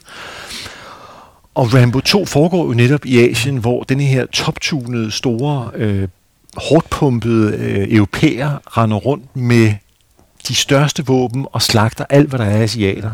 Og det sidder nomaderne så og se, og det gør deres børn også, uden overhovedet at fatte en brik. De har jo ingen forudsætninger for at vide, at det er bare en film. Jeg har det så skidt med den proces. Hvad værre er, øh, de forærer dem en masse guldsko og øh, plastiksko og alt muligt øh, plastik tingeltangel. Så en af gangene, jeg kommer derud, der er penanerne stoppet med at gå på bare til. De kan jo bevæge sig som ninjaer inde i skoven ja. på deres meget, meget brede fødder. Men det øjeblik, de bliver presset ned i nogle plastiksko, der er for små, så smadrer de jo deres, deres, deres fødder. Men de synes, det er fantastisk. Og da jeg er derude her sidst, det er så i, i jeg tror 2014, der, øh, der har oliefirmaet så langt om længe kompenseret dem. De har simpelthen taget ud fra den ene dag til den anden og foræret dem, hvad der svarer til en kvart million danske kroner. Kontant. Givet dem en kiste fyldt med penge, som nomaderne så, som de jo nu gør, fordeler efter familie. Og pludselig går det her udkants langhus til at blive det rigeste langhus på Borneo. Det er ikke nødvendigvis godt for nomaderne, Nej. men de er jo lykkelige. Ja. De køber jagthunden, de køber knallerter, de køber øh, ulovlige våben, altså de powershopper slik. Og der derude her sidste omgang, der kan de næsten ikke rykke med ørerne, fordi de er så overvægtige, og de laver ingenting. Så lige nu venter jeg, altså jeg, jeg holder en pause ind, til de har brugt de penge. Ja. Og når pengene så er væk, så vil jeg gerne derud igen og få plantet en masse frugttræer og forskellige andre tiltag, fordi de har i den grad brug for hjælp. Men de var ikke klar til det sidste, jeg var der. Men vil det sige, at, at alle nomaderne i dag er fastboende? Eller er der nogle Jeg vil faktisk udenbart sige, at de sidste, formodentlig de sidste 10 år, har der ikke været nogen nomader på Borneo. Overhovedet Fordi... nogen steder. Men der er rigtig mange, som er nomadiske i kortere perioder. Jeg havde nogle, nogle tandlæger med i, jeg tror 2012 eller sådan noget, for at lave tænder på dem, de stakkels mennesker. Og der mødte vi simpelthen en nomadisk gruppe, som formodentlig har en base et sted i et langhus, som de indimellem tager til, men de lever ude i skoven, ligesom de altid har gjort.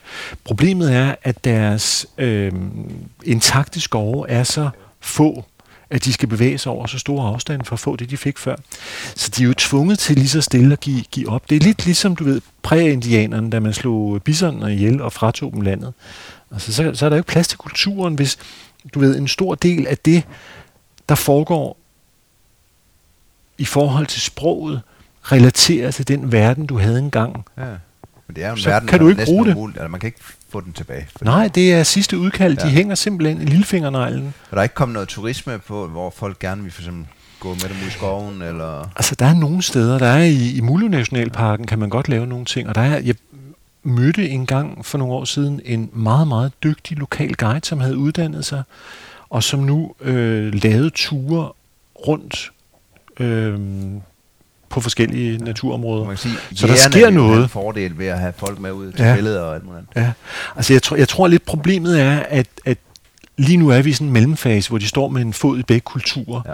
Og de skal jo finde deres egen måde at gøre tingene på på længere sigt, og de kan ikke leve inde i skoven. Nej. Altså uanset hvordan, hvor gerne de, ja. øh, de vil. Så der kommer til at være øh, i hvert fald en eller to generationer, som vil være meget, meget knækket. Men jeg kan se, at de unge i dag, de savner ikke skoven på samme måde. De har aldrig oplevet den. De, det er ikke en del af deres verden. De vil gerne ind til byen, de vil gerne have uddannelse, de vil gerne lære engelsk, og det kan man jo ikke få, ja, ligesom... Det, det er jo det der øh, med... med den, altså, bebrejde dem. Nej, vi har en romantisk forestilling om, altså, det er jo fedt når man, når man ser den der kultur, den er jo rigtig mm. fed, fordi man ved, hvad de taber. Ja. Men omvendt, man kan ikke fortælle dem, at de ikke skal gå ind der. Nej, det er jo det. Så det der med at finde en, en vej i det, hvor at... Som er godt for alle involverede, og det, det, altså det eneste, jeg synes, der i virkeligheden har været meget, meget kritisk i hele den her proces, udover at naturressourcerne, som de var afhængige af, er forsvundet, så er det, at de ikke fik lov til at vælge udvikling i eget tempo. Ja. Det blev afvikling i stedet for. Og det gør mig simpelthen så ondt. Jeg synes det, altså, fordi jeg kan huske en af gangene, jeg kom derud, efter jeg havde været på en anden blokade, og, og, og penanerne var vildt op og køre over, at nu ville militæret rykke ind og anholde dem alle sammen. Og, og, og så kommer jeg tilbage og fortæller det til, til nogle folk, og så siger de, åh jo, men det er jo ikke ligesom krig, de bliver jo ikke skudt på. Og der har jeg sådan lidt, at, at på nogle punkter er det næsten værre, når man fratager dem deres kulturelle sjæl, ja. og spytter dem ud i den anden ende. Ja. Fordi altså, selvfølgelig er det, er det heller ikke fedt at være, være i krig, men det her er ligesom en, en, en, en mere subtil måde at, at slagte en kultur på, hvor det andet måske kunne have samlet dem omkring en eller anden konflikt, eller på anden måde. De har simpelthen ikke haft muligheden for at øh, orientere sig i denne her proces. Nej, myndighederne har heller ikke gjort, lagt en strategi for at sige, at vi holder missionærer ude, og vi tager en stille og rolig overgang, når de har, de har været skide ligeglade. Faktisk har myndighederne flere gange øh, erkendt, at selv hvis skoven ikke var noget værd, havde de stadigvæk smadret penanerne, fordi de ikke synes, at der er plads til at have den type mennesker i det moderne Malaysia. Og det er jo den sidste del af det, der også er så grumt. Ja. Så, øhm, og, og, og det er jo, altså det kan man sige, hvis man sådan skulle opsummere de mange år, jeg har rejst, det er jo en af de ting, der gør ondt, at jeg det ene øjeblik ligger i en klarvandet flod og kigger op på aberne sammen med nogle nomader, og det næste øjeblik kommer jeg ud, og så er der oliepalmplantage, så er der lange lige rækker af monokulturer. Eller øh, sidste år var jeg på et fabelagtigt rev, troede jeg. Jeg havde simpelthen glædet mig sådan til at se det, fordi jeg har haft så mange gode oplevelser. Kom jeg tilbage, så var det smadret. Altså, som i smadret med stort S. De levende koraller var døde. Der var brunalger over det hele. Der var næsten ikke nogen fisk. Og, altså, det at se, hvor hurtigt tingene kan degraderes, ja. når mennesker ligesom får fri leg, det synes jeg gør ondt. Ja. Det er, altså, det er sgu ikke... Øh, det ville jeg gerne have været for uden i virkeligheden. Jeg ville gerne instinktivt have håbet, at nogle steder ville det gå den rigtige vej, og det synes jeg bare ikke, det gør. Det er ikke nogen lykkelig historie, det der. Nej, det er det sgu ikke, og, er, og, er og det gælder kloden rundt. Er det kloden rundt hele vejen? Altså, jeg synes jo ikke, der er meget... Jo, jo, der er der nogle lommerhister her, ikke? men det bliver i højere grad øer, ja. omgivet af et hav af mennesker, end den anden vej rundt, hvor det var nogle øer af mennesker, ja. som havde noget vildmark ude omkring. Altså, det, det, hvis man ellers følger med i, i, i nogle af de her nyhedsbreve, og hvad der ellers sker, så er der jo virkelig mange dårlige nyheder ja. om nye veje i Amazonas, nye plantager i Sydøstasien og klimaforandringer og djævelskab. Så, så jeg synes, det gør lidt ondt. Jeg synes, verden er blevet meget fattigere øh, i de år, jeg har rejst. Og der er også den der sammenhæng mellem, at øh, biodiversitet, altså hvor mangfoldigt livet kan være, det går ofte hånd i hånd med, hvor mangfoldige de lokale kulturer kan være. Altså at de steder, hvor der er mange forskellige dyr og planter, der er som regel også mange forskellige måder at leve på. Og det jeg kan se, mønstret er i øjeblikket, det er jo, at vi alle sammen kommer til at ligne mere og mere hinanden. Ja. Vi går i de samme tøj, vi hører de samme ting, vi har den samme adfærd øhm, digitalt. Er japanerne jo lige så meget på Facebook som os. Ja det synes jeg var sørgeligt. Altså, det, det, det er jo en fattig klode på den måde. Ja. Så det er jo ikke, fordi eventyret er holdt op, og det er heller ikke, fordi de hvide pletter nødvendigvis er fuldstændig væk. Men, men de der miljøudlæggelser, som, som jeg jo så desværre, og det indrømmer jeg jo også blankt på nuværende tidspunkt, det er, at indimellem opsøger jeg dem jo også aktivt, fordi jeg har nogle projekter, som gør, at jeg skal dokumentere det. Det kan for eksempel være, at jeg var i, i foråret i Sydafrika for at filme næsehorn, som jo bliver skudt i meget stor stil. Hornene bliver solgt og er ekstremt meget værd. Og så kører man ud og lidt håber alligevel, at man lige kan nå at få det. Så jeg havde timet det med, at jeg var der, mens der var fuldmåne, fordi der er rigtig mange krybskytter aktive. Og så, rykker, så rykkede jeg ud og, og fik også set en næsehornsfamilie, der var slagtet med en unge, som var blevet taget ud af sin øh, gravide mor. Og antallet af madikker og den intense lugt og det her med, at du ligesom har... Altså jeg har jo set masser af næsehorn, jeg er blevet slikket i øret af næsehorns unge, så jeg ved godt, hvordan de føles. Det at se livet bare forsvinde så hurtigt, reduceret til en bunke madikker og noget kød. Ja, det var så det. tragisk, ja. altså. Ja. Det gjorde simpelthen sådan ond, så ondt. Og øh, lige nu laver jeg laver noget om klimaforandringer i Bolivia, hvor jeg også har været nede og filme fældeskov. Altså, det gør ondt. Ja. Det gør det altså, desværre. Jeg kan simpelthen ikke, øh, jeg kan ikke slippe det. Jeg har nogle gange følelsen af, at okay, så sidder jeg her i Danmark og spiser gorgonzola pizza, og hvor er det hyggeligt og noget. Men jeg ved jo stadigvæk, at de lider ude på tømmerblokaderne på Borneo, og det bliver ja. ikke bedre forløbig. Ja, hvor mange af dine dokumentationer i dag bliver jo forfald. Ja, det er i virkeligheden på den måde, det, det er jo enormt deprimerende at svælge i så meget ødelæggelse. Og det gør jo også indimellem, at jeg måske heller ikke lige kan holde mig neutral og objektiv, fordi jeg sidder i det til halsen. Ja. Desværre. Hvad, hvad, hvad tror du så, når du, når du nu rejser i det? Tror du, der kommer et vendepunkt, hvor man ligesom indser, at øh, det kan man ikke, eller er mennesket så destruktivt af det? Det bare fortsætter. Ja, jeg tror, jeg tror vi, vi, vi er tilpas begavet til, at vi er i stand til at smadre det hele, men vi er ikke begavet nok til at stoppe det. Nej. Øhm, jeg, jeg, jeg, jeg kan ikke lade være med at, at jeg tænker tit det samme også, fordi og, mennesker, altså, alle vil gerne være flere, alle vil gerne have det bedre. Hvor ja. skal man starte hen?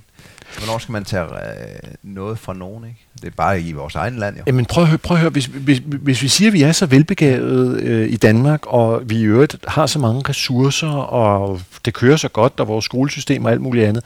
Hvis man kigger på den danske natur, så har vi jo virkelig ødelagt det. Ja. Og hvis, hvis, hvis den eneste måde, altså hvis logikken er, okay, vi har ikke særlig mange fisk lige nu, det er sværere og sværere at finde, finde fiskene. Okay, hvad skal vi så gøre? Skal vi holde en pause, eller skal vi have nogle bedre fiskeredskaber? Ah, vi gør det sidste. Ja.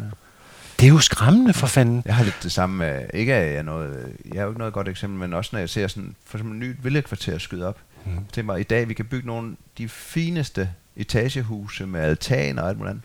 Hvorfor lægger man natur ud til villakvarter, mm. når man ved, Altså, hvorfor ikke sløjfe villakvartererne, bygge nogle højere hus og have natur rundt om?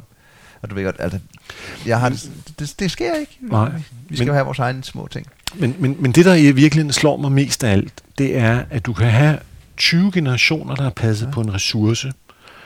For eksempel, nu, jeg kan ikke engang udtale det, men den her virkelig fantastiske urskov, der er i Polen, Biovesa, ja. øh, som er den sidste rest af den centraleuropæiske urskov, der har dækket hele Europa. Og den er nu i gang med at blive fældet. Og det vil sige, at du har bevaret noget måske i mange tusind år, uden at smadre det, men det kræver kun et regeringsskift, ja. så bliver området barberet. Ja. Lige så vel som det kun krævede et regeringsskift i, i øh, Brasilien her forleden, og åbne et fredet område op for, for tømmerfirmaer ja. og, øh, og, hvad hedder det, mineral øh, ekstra hvad hedder sådan noget? Mineraldrift. Ja. Og vi har det Minedrift hedder ja. det selvfølgelig. Vi kan bare tage havemarmer og fælden, ikke? Jo. Man vil barbere ned nu for at bygge noget endnu mere hus. Og vi har masser af steder, man kan bygge. Ja. Gammel industri. Og ja, men det er helt, det er så ja. vanvittigt altså, og det gør så ondt. Ja. Så hvis vi ikke kan finde ud af det i Danmark, hvordan i alverden skal vi så forvente af andre lande, som oven købet måske har mere korruption, mindre øh, gennem hvad hedder sådan noget, øh, gennemskuelighed i samfundet, mindre kritiske journalister og lignende. Hvordan skal, altså, hvis, hvis Trump kan blive valgt ind i USA, hvad sker der så ikke alle mulige andre steder? Så, så Nej, jeg er sgu ikke så forhåbningsfuld, men jeg håber, at altså man kan sige, naturen som sådan, som mange omkring mig påpeger, det er jo en fantastisk kraft. Så naturen skal nok klare sig, kloden skal nok også klare sig, men jeg vil jo gerne have, at det så lidt mere positivt ud for mine børn. Og det kan jeg godt nogle gange tvivle om. Ja. Så øh, det var jo lidt mere øh, den, den sørgelige vej i det jo, kan man sige. Men, men, ja. sådan er det jo, når man kommer derud af. Men i alle de år her, så har du jo haft øh, pen, penaren, der du har rejst rundt og filmet dyr rigtig mange steder i verden. Mm-hmm. Og, og det giver stadigvæk sug til maven, når du møder de forskellige. Ja, det sjove er, for mig handler det ikke kun om, du ved, at filme gorillaer og tigerhajer og toppen af fødekæden og action og sådan noget der. Jeg synes, det er så sjovt bare at være i naturen. Ja. Altså, det at sidde og se et pindsvin, der kommer forbi, eller hvad det nu måtte være, og det at være fluen på væggen, det er det, der tænder mig i virkeligheden. Ja. Så de der billeder, hvor et eller andet angriber noget, det kan være godt til foredrag, fordi der er nogle gode historier i det, men, men det, som jeg først og fremmest vil, det er, at jeg vil meget, meget gerne bare vise, hvordan tingene ser ud. Og der er det jo ikke en del af, af historien. Nej, og få lov til at være derude selv også. Det er det. Ja, ja. Og få penge for det. Ja. Noget, som jeg virkelig ville have gjort gratis. Mm. det skal du ikke sige højt til nej, mine nej, kunder. slet ikke. Det har vi ikke sagt her. Men, men så igennem årene her med dit egen firma, så er det lykkedes dig at, og hvad skal man sige, balancere mellem familieliv og det andet der, og så holde gang i dit, dit, dit firma? Og altså jeg kæmper jo hele tiden med det. Jeg synes jo, det er sindssygt svært at have den der balance, fordi ja. jeg indimellem får nogle opgaver, som, som giver meget fri leg. Ja. Så jeg skal hele tiden tage mig i at tænke, okay, nu tager jeg lige en blok og rolig nu. Nej, jeg skal ikke nødvendigvis til Bhutan i år morgen, også selvom der er tilbud på en billet, og jeg kender nogen, der gerne vil have et projekt derude. Nu skal jeg have lidt mere fokus, øh, måske på familien eller noget. Og, og altså, jeg synes, det er svært, men fordelen er, at når jeg så tager de valg, jeg nu engang tager, så er det ikke sådan noget spontant øh, hoved under armen, lad mig bare komme væk, fordi jeg har en dårlig hverdag. Jeg har en rigtig god base her, og, og, og det betyder virkelig noget for mig. Har du så nok frihed til øh, at, at selv vælge dine projekter stadigvæk, eller har du stadigvæk det der med, at man skal man sige ja til det her projekt, fordi så siger man nej til noget, der ikke, man ved ikke, der kommer, eller sådan noget? Kan, er du? Nej, ikke rigtigt. Jeg har, nu, nu har jeg snart prøvet så mange gange, at Øh, Nej, jeg vil sige, mine, mine erfaringer siger mig, at der kommer nye projekter ja. hele tiden, uanset hvad jeg finder på. Øh, det jeg nogle gange kan have svært ved, det er at, at vælge ja. og sige, okay, er det den retning eller den retning? Øh, så jeg kæmper stadigvæk lidt med det der med, at jeg synes, der kan være et misforhold mellem, at Altså, jeg er stadigvæk bedre til at lave de ting, jeg synes, der er sjovt, end det, jeg ikke synes, der er sjovt. Så en af de helt store problemer for mig, det er for eksempel at lave momsregnskab og tage mig sammen til alle de der papirmæssige ting. Fordi det synes jeg stadigvæk ikke er særlig sjovt. Men oplevelsen af til gengæld at få dit eget rum ude naturen og få løn for det, uanset om det er i haven her, eller om det er i Langbordistans øh, regnskov, det, det synes jeg, det, det er privilegie, uden lige. Det, øh... Og det er det, der stadig tænder mig. Det er i virkeligheden ikke kun, at, at det kan lade sig gøre, men fleksibiliteten og det, at der kommer afveksling. Altså, jeg er bare ikke særlig god til rutiner. Så det er det ene øjeblik måske skal tage til Kastrup for at filme ål, og det næste øjeblik til Serengeti for at filme løver. Det synes jeg er enormt sjovt. Så øhm, det er jo fedt at kan leve sin passion, ikke? Det er jo det. Ja. Nu har vi været godt omkring. Er der noget, vi ikke har vendt med dit, øh, med dit liv, du tænker jo her? Nej, jeg synes, jeg har snakket alt for meget. Og, og, Absolut og, øh, Nej, udenbart. Altså, det, det jeg bare tænker, det er, at, at jeg ville ønske, at jeg havde mødt mig selv, dengang jeg var barn. Fordi så havde jeg måske haft nemmere ved at være lidt fokuseret i retning af det, jeg virkelig vidste, der var sjovt. Ja. Øhm, jeg synes, der er for mange... Altså, det giver masser af god mening at tage en lang uddannelse. Det giver masser af god mening at, at, at ligesom gå målrettet efter nogle normale ting. Men der er stadigvæk muligheder, og, og det kunne jeg godt tænke mig, at de unge i højere grad også fik at vide. Nej, altså nogle gange ville jeg bare ønske, at der havde været flere rollemodeller for mig dengang. Jeg var meget søgende, fordi jeg på ingen måde, altså jeg tænkte, et, jeg vil gerne være stuntman, to, jeg vil gerne være direktør for Zoologisk Have, jeg vil gerne øh, måske øh, køre Ferrari for Ferrari på Formel 1-banen, men jeg vidste jo godt instinktivt, at ingen af tingene kunne lade sig gøre. Og hvad var det, altså, hvordan kunne man så få den der magi? Og der må jeg jo så sige, nu her i en alder af 52, kan jeg jo godt se de gange, hvor jeg har gjort det, der i virkeligheden var rigtigt for mig i den situation, uden at vide det. Så det der med at stole på mavefornemmelser, og måske, at altså, det er ikke alle os mennesker, som skal gøre det samme. Og der er plads til at gøre tingene på sin egen måde. Selvom det er meget mere besværligt. Altså jeg er slet ikke i tvivl om, hvis jeg havde taget en uddannelse, måske som fotograf, som 18-årig, så havde jeg jo relativt hurtigt kunne komme i gang med mit projektliv, i stedet for det der driver, lalle, adrenalinliv. Men men sådan var det bare i den periode.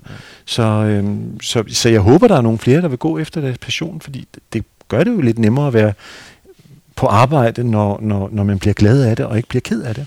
Helt sikkert. Og så også, øh, det er jo altid godt at, at arbejde med sin passion, fordi så er man jo et bedre udgave af sig selv i min verden. Ja. Jeg hørte en, som, som øh, hvis far havde sagt til ham, du skal vælge det, som du er god til. Fordi det, du er god til, det kan du nok også tjene penge på.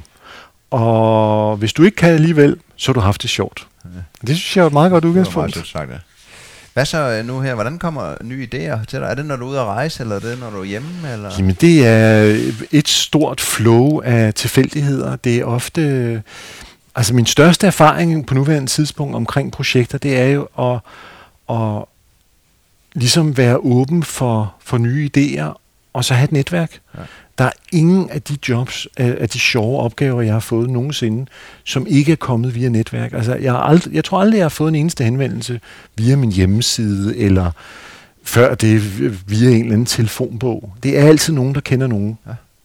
Og derfor noget af det bedste, man måske i virkeligheden kan gøre, det er netop at være åben over for, at tingene ændrer sig. Da jeg startede øh, som selvstændig med, med, med, med film, så lavede jeg rigtig mange DVD'er, og i dag er der ingen, der gider at bruge DVD'er, så nu er det hjemmesider i stedet for, og hjemmesideprojekter. Ja. Så det er noget med også sådan indimellem med jævn mellemrum at, at genfinde sig selv, og måske finde ud af, okay, jamen så er det det, vi må gøre, men vi kan stadigvæk bruge nogle grundkomponenter fra det oprindelige. Ja, så det ændrer sig. Hvad, ja, det, det er hvad? meget dynamisk og upålideligt. Ja. ja. Er der, er der sådan nogen, nu sagde du, du havde mange rollemodeller, den, da du var yngre og sådan noget, men, men er der nogen, der har været din inspiration i, i gennem årene her, lige fra barn til i dag, eller? Altså, jeg, jeg synes, så, som, som barn var det Thor Heyerdahl ja. og Jacques Cousteau og måske nogle af de, øh, altså da jeg blev ung, så var det mere sådan noget som Reinhold Messner og alle hans øh, topbestigninger. Dem slugte jeg råt. Ja. Men jeg vidste godt, at det blev aldrig mig. Altså det var ikke fordi, at jeg selv skulle op på 8.000 meter, men jeg var meget fascineret over den der mm, innovation og målrettighed og stedighed, der skulle til at kunne nå så langt. Men, men, øh, men øh, jeg synes, der er, sådan, der er rigtig mange øh, spændende folk rundt omkring på kloden. En bog, jeg vender tilbage til igen og igen, fordi den virkelig siger mig noget, det er um, Touching the Void af Joe Simpson. Joe er en ung, fremadstormende bjergbestiger, som sammen med en ven bestiger et bjerg i Peru, hvor det bare går helt galt. Øh, det er en meget, meget voldsom historie. Ja. Men den er sindssygt godt skrevet, og der er både øh, der er humor, der er overblik, og han finder nogle kræfter i sig selv undervejs. Så det er sådan en af de der klassikere, som den, øh, den, den tror jeg også, jeg vil læse om 10 år. Ja. Med jævn mellemrum. Fantastisk. Hvad, når du nu rejser rundt ud i verden, øh, er det noget, du aldrig rejser uden? Er du overtroisk, eller grænder rundt, eller har du ja. slidte dagbog i baglommen, eller noget? Jeg, jeg er inkarneret ateist, og, og så, så der er ikke sådan noget et eller andet, jeg tager med igen og igen, andet end, at hvis jeg er i troberne, vil jeg nødt gå klip af en ordentlig myggebalsam. Jeg hader myg. Og jeg har haft denkefiver to gange, ja. og set jernmalaria et par gange også, så, så, øh, så, så myg skal jeg ikke stikkes af. Så, så myggebalsam er en af de ting, jeg ikke går ned på. Vand er noget andet. Ja. Har du fundet en myggebalsam, der virker? Ja, jeg har fundet flere. Ja. Øhm, jeg synes, uh, Johnson's Off med en masse DD, det, ja. det synes jeg virker godt. Øhm, men, men i forhold til at, at rejse, så synes jeg, at Nej, der er ikke, der er ikke noget. Altså det, det eneste, jeg aldrig går ned på, det er vand. Ja. Jeg er virkelig paranoid med at tørste. Jeg synes, det er så genneubehageligt, ja. når ens tunge svulmer op, og, og, og man bliver jo bange og desorienteret, og, og, og kan ikke kan ikke gøre det rigtige, hvis man bliver tilpas dehydreret. Ja. Så det er en af de ting. Det sker simpelthen aldrig. Så vil jeg hellere slæbe. Jeg ved ikke, hvor mange liter med mig. Ja. Hvad med rensvandet derude? Jeg har haft vandfil, både mekaniske og, og sådan nogle elektroniske nogle ja. med UV. Jeg bruger det ikke så tit. Jeg, jo længere ind i regnskoven man kommer, hvis det er det, vi snakker om, så, så, så er der jo rent drikkevand. Ja. Det er jo simpelthen bare bukser ned. Øhm, så længe det er rindende ja. og bevæger sig og ikke er stillestående. Jeg synes... Øh, Nej, jeg har ikke. Jeg har aldrig. Jeg, jeg har flere forskellige vandfiltre, og jeg bruger dem meget sjældent i virkeligheden. Jeg har altid valgt at rense også når jeg øvede steder, bare tænke tanken om, der lå et dødt dyr, ja. jeg blev syg. Ja, ja. ja så. Jeg har heldigvis aldrig, jeg, jeg har meget sjældent problemer med, med maven. Ja. Perfekt. Uh, har du noget sådan skjult tricks, eller hvor du bare har et trick, hvor du sidder og tænker, hvorfor gør andre ikke det? Eller når du er ude at rejse, møder folk, eller rejser afsted? Jeg synes, der er, der, er, der er mange, afhængig af, hvad det er for en lokalitet, og hvad det er, der sker så synes jeg, der er mange forskellige tricks undervejs. Øh, en af tingene er at være god til at gøre sig umage med at møde mennesker, ja. og prøve at have en eller anden form for, for samhørighed. Og noget, der i hvert fald har hjulpet mig rigtig meget, det er lige at lære nogle enkelte ord på det lokale sprog, uanset om det er du ved, Swahili eller Penan eller ude på Ny Guinea. Det er lige at kunne sige goddag og tak og farvel, eller hvad det nu måtte være. Øhm, det er en genvej til rigtig mange utrolig intense menneskeoplevelser. Ja. Mine, mine rejser er i virkeligheden delt op i, i sådan to kategorier. Det ene er vildmark eller ødemark, eller i hvert fald områder, hvor der ikke er særlig mange mennesker. Og det andet er, hvor der, hvor der faktisk er nogle lokale mennesker. I en lang periode i 90'erne, der prøvede jeg jo at besøge så mange oprindelige folk som overhovedet muligt. Jeg synes, det var helt fantastisk at rokano med indianere, eller gå på, øh, gå på jagt på Siberut med de her Mentawai-folk. Og fælles for det er, at de fleste steder gør folk jo de samme ting. Ja. Altså, det, det, det er den samme måde, man skal agere på, når man mødes med folk. Og, og en af de bedste ting er jo så eksempelvis at lad være med at have noget dyrt med. Lad være med at have store uger eller kæmpe motorcykler eller noget, fordi det, det skaber noget afstand. Det om, hvis det er nomader, det er at møde, mødes med dem til fods. Ja og gå med dem, og bare være en del af deres hverdag, i stedet for ligesom at sige, at jeg vil op på det højeste bjerg, øh, jeg køber lige nogle folk til så og så mange penge. Det der med at have sådan et lidt mere lige forhold til, til de lokale, det synes jeg, man kommer rigtig, rigtig langt med. Og det andet er at give sig tid. Ja. Simpelthen indimellem. Vores europæiske tidsfornemmelse er jo markant anderledes end rigtig mange lokale folk rundt omkring. Så det at sætte sig ned, og der sker måske ikke noget, og vente til, at de tager initiativ, måske til at gå på jagt, eller hvad det nu måtte være. Det, det, det, det synes jeg giver nogle... Altså i virkeligheden at smide uret, lige snart man møder dem, og, og så have tiden til det. Altså at finde roen i det også. Ja. Øh, en af mine største oplevelser faktisk de senere år, det var, at jeg var ude hos nogle, nogle seminomader på Borneo, og da jeg endelig nåede ud til dem, jeg var taget derud alene, og da jeg endelig nåede ud til dem, der var jeg så træt og udmattet efter den lange rejse, at jeg faldt i søvn på, øh, hvad hedder det der, de har sådan nogle små platforme i deres hytter. Jeg faldt i søvn ude foran, og så blev det mørkt. Og så vågnede jeg ved, at den lokale kvinde, øh, hvis hytte jeg sov ved, hun spillede næsefløjte. Det var sådan en ældre kvinde på måske, i virkeligheden min alder, men hun så markant ældre ud. Øh, og hun spillede den samme melodi, og så vågnede jeg sådan lidt drømmeagtigt af det, og så var der et bål ved siden af, så de sat et lille bål. Og så lå jeg der bare og vågnede lige så stille, mens den her meget øh, markante melodi blev spillet igen og igen. Og det er de der tidsløse øjeblikke, hvor man i virkeligheden kunne forestille sig, at det er den melodi, de også spillede for 100 år siden, eller 200 år siden. Altså, det hænger sammen. Det er så fedt. Ja. Nu er du kommet ind på noget, men du skrev nogle gode råd til mig her, som vi har været inde på noget, men et, find dit eget eventyr. Ja. Jeg tænker, vi skal ikke copy og paste, og hvis ens vildeste drøm er at sejle over Atlanten, jamen så er det jo det, man skal gøre. Ja. Eller hvis det er at tage til Fyn, altså der er jo både store og små eventyr, og de kan jo ikke kategoriseres på samme måde. Men jeg tænker, at det, man skal kunne holde ud i de der eventyr, det er jo, at, at, man, at det skal give en energi, man skal blive glad af det. Man skal ikke, når man kommer hjem fra det, sige aldrig nogensinde mere igen.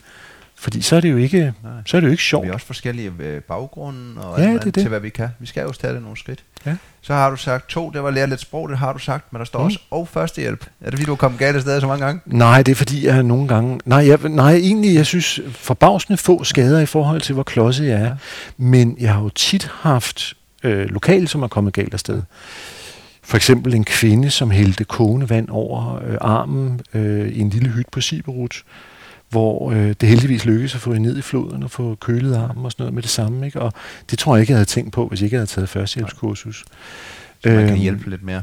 Ja, jeg synes, ja. man kan gøre en forskel. Plus det er meget rart at vide, at hvis et eller andet rigtig slemt sker med dig selv også, så har du måske mulighed for at gøre en forskel. Ja. Og i angående førstehjælp, en ting, jeg aldrig rejser uden, det er øh, forbinding. Altså til, til brækket ben, ja. hvis det er i troberne, og der er giftslanger. Fordi jeg har snakket med simpelthen så mange forskellige fagfolk omkring slangebid, at hvis du bliver bit, så kan du binde det bitte, hvis det er en fod eller, eller en hånd, så kan du binde det op ligesom med, hvis du havde en forstuning. Ja. Du skal lige kunne få en finger ind, så det er altså ikke sådan en kompres forbinding, hvor du lukker alting.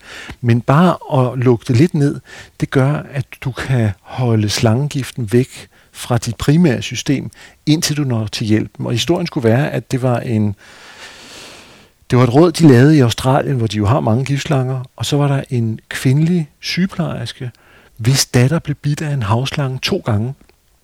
Hun nåede lynhurtigt at binde datteren ind, som var meget lille. Da de kom til sygehuset og tog forbindingen af, gik datteren i koma. Men hun overlevede takket være det her. Ja. Så det har jeg med øh, fast. Ja. Øhm, meget på dyr, jamen, altså, så er der også for eksempel, hvis du træder på giftige fisk, så er det varmt vand. Øh, det vil altså rokker, eller stenfisk, eller dragefisk. Så der er sådan mange forskellige ja, smarte ting. ud, ja. Ja, det slår giften ihjel, Ja. ja. simpelthen. Det, eller det ødelægger molekylerne ved at have den varmeste varme, du overhovedet kan holde ud.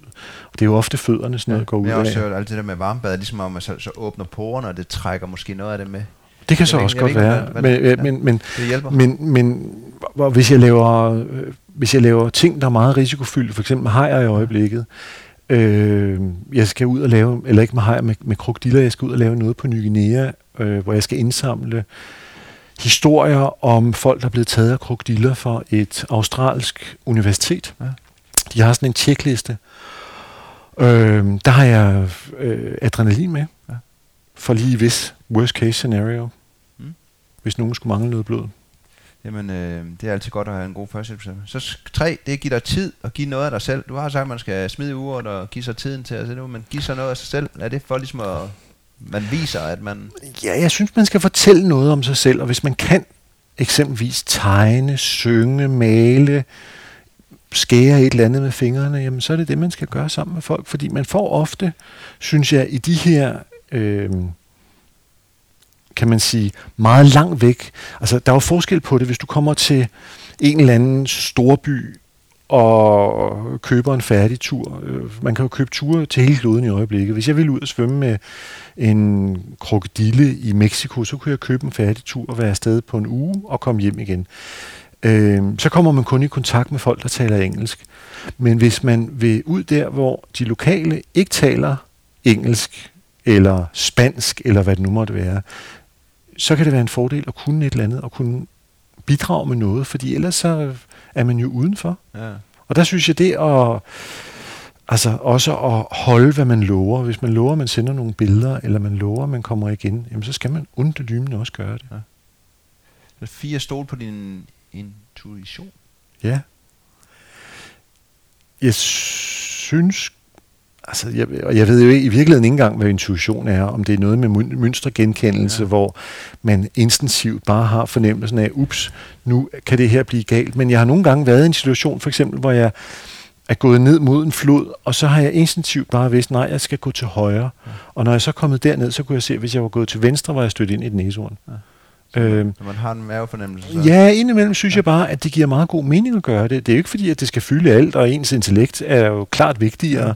Men nogle gange kan man godt have fornemmelsen af, at det her er godt for mig, eller er det ikke godt for mig? Og fem, det var, den har vi haft. Gå aldrig ned på manglende vand. Nej. Seks, hold hvad du lover, den har du også lige nævnt. Ja.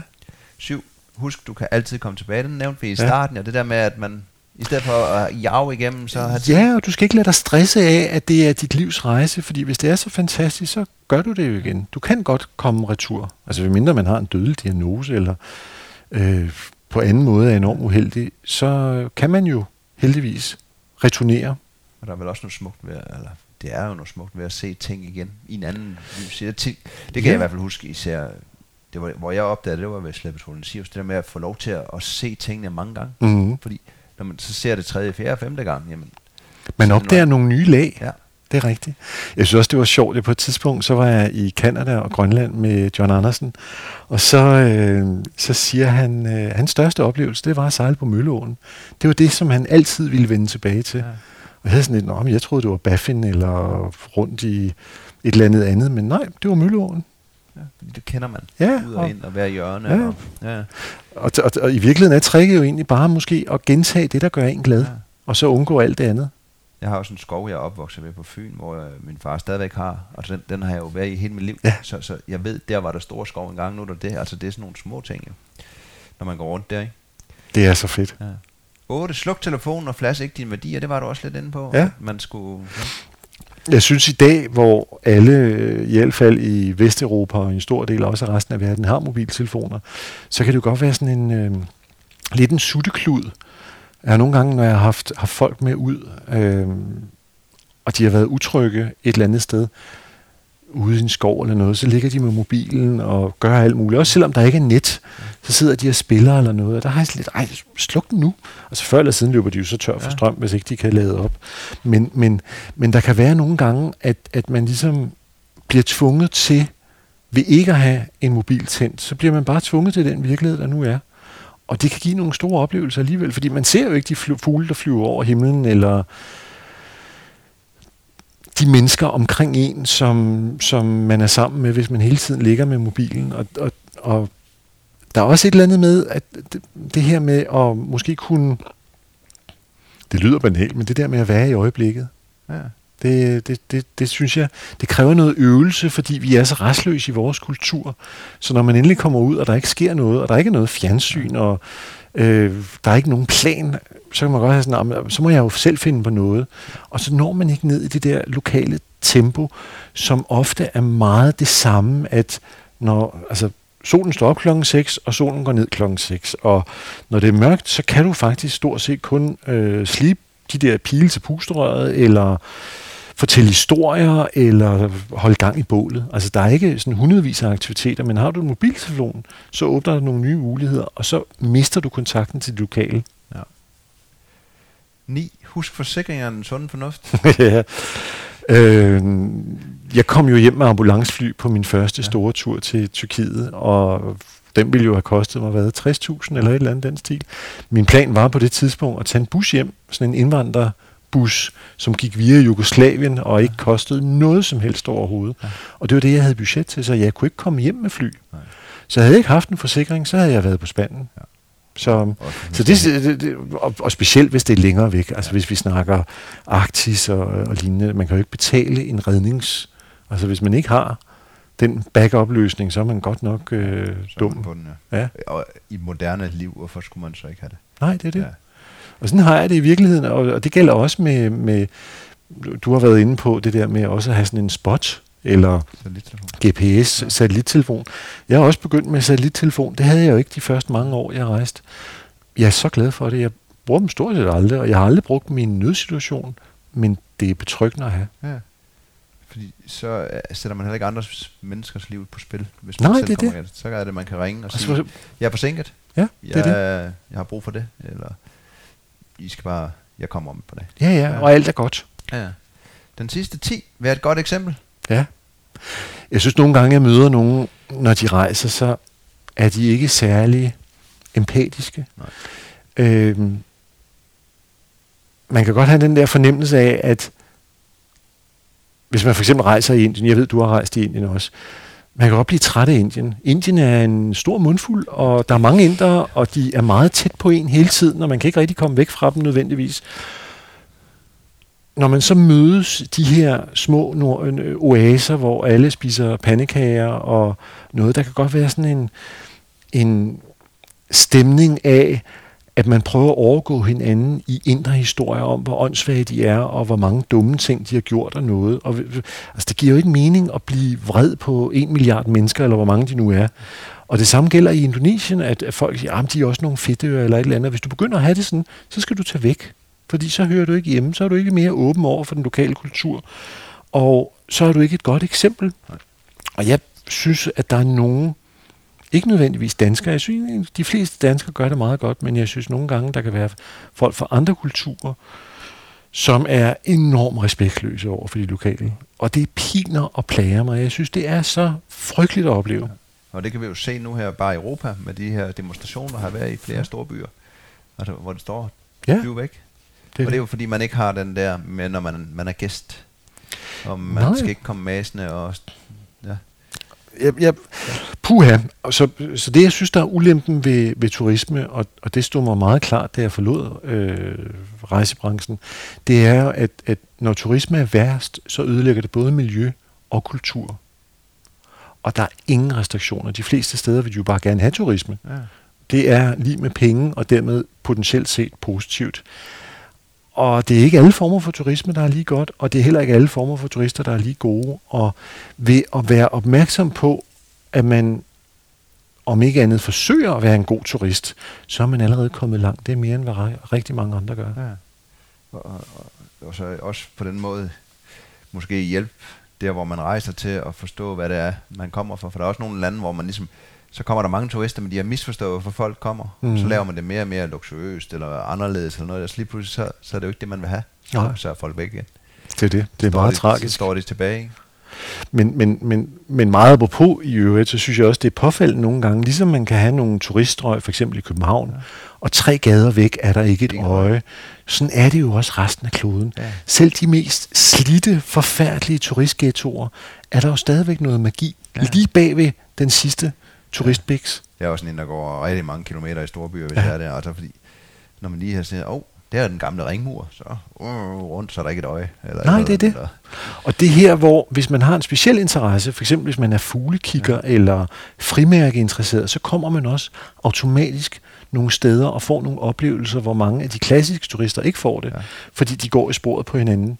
Øhm, Jeg har haft fuglekigger, jeg jeg er ikke selv fugleinteresseret, men jeg har haft fuglekigger med på for eksempel lossepladser i Sydamerika, hvor de bare har fået de største oplevelser, fordi et eller andet mærkeligt lille kryds dukkede op. Ikke?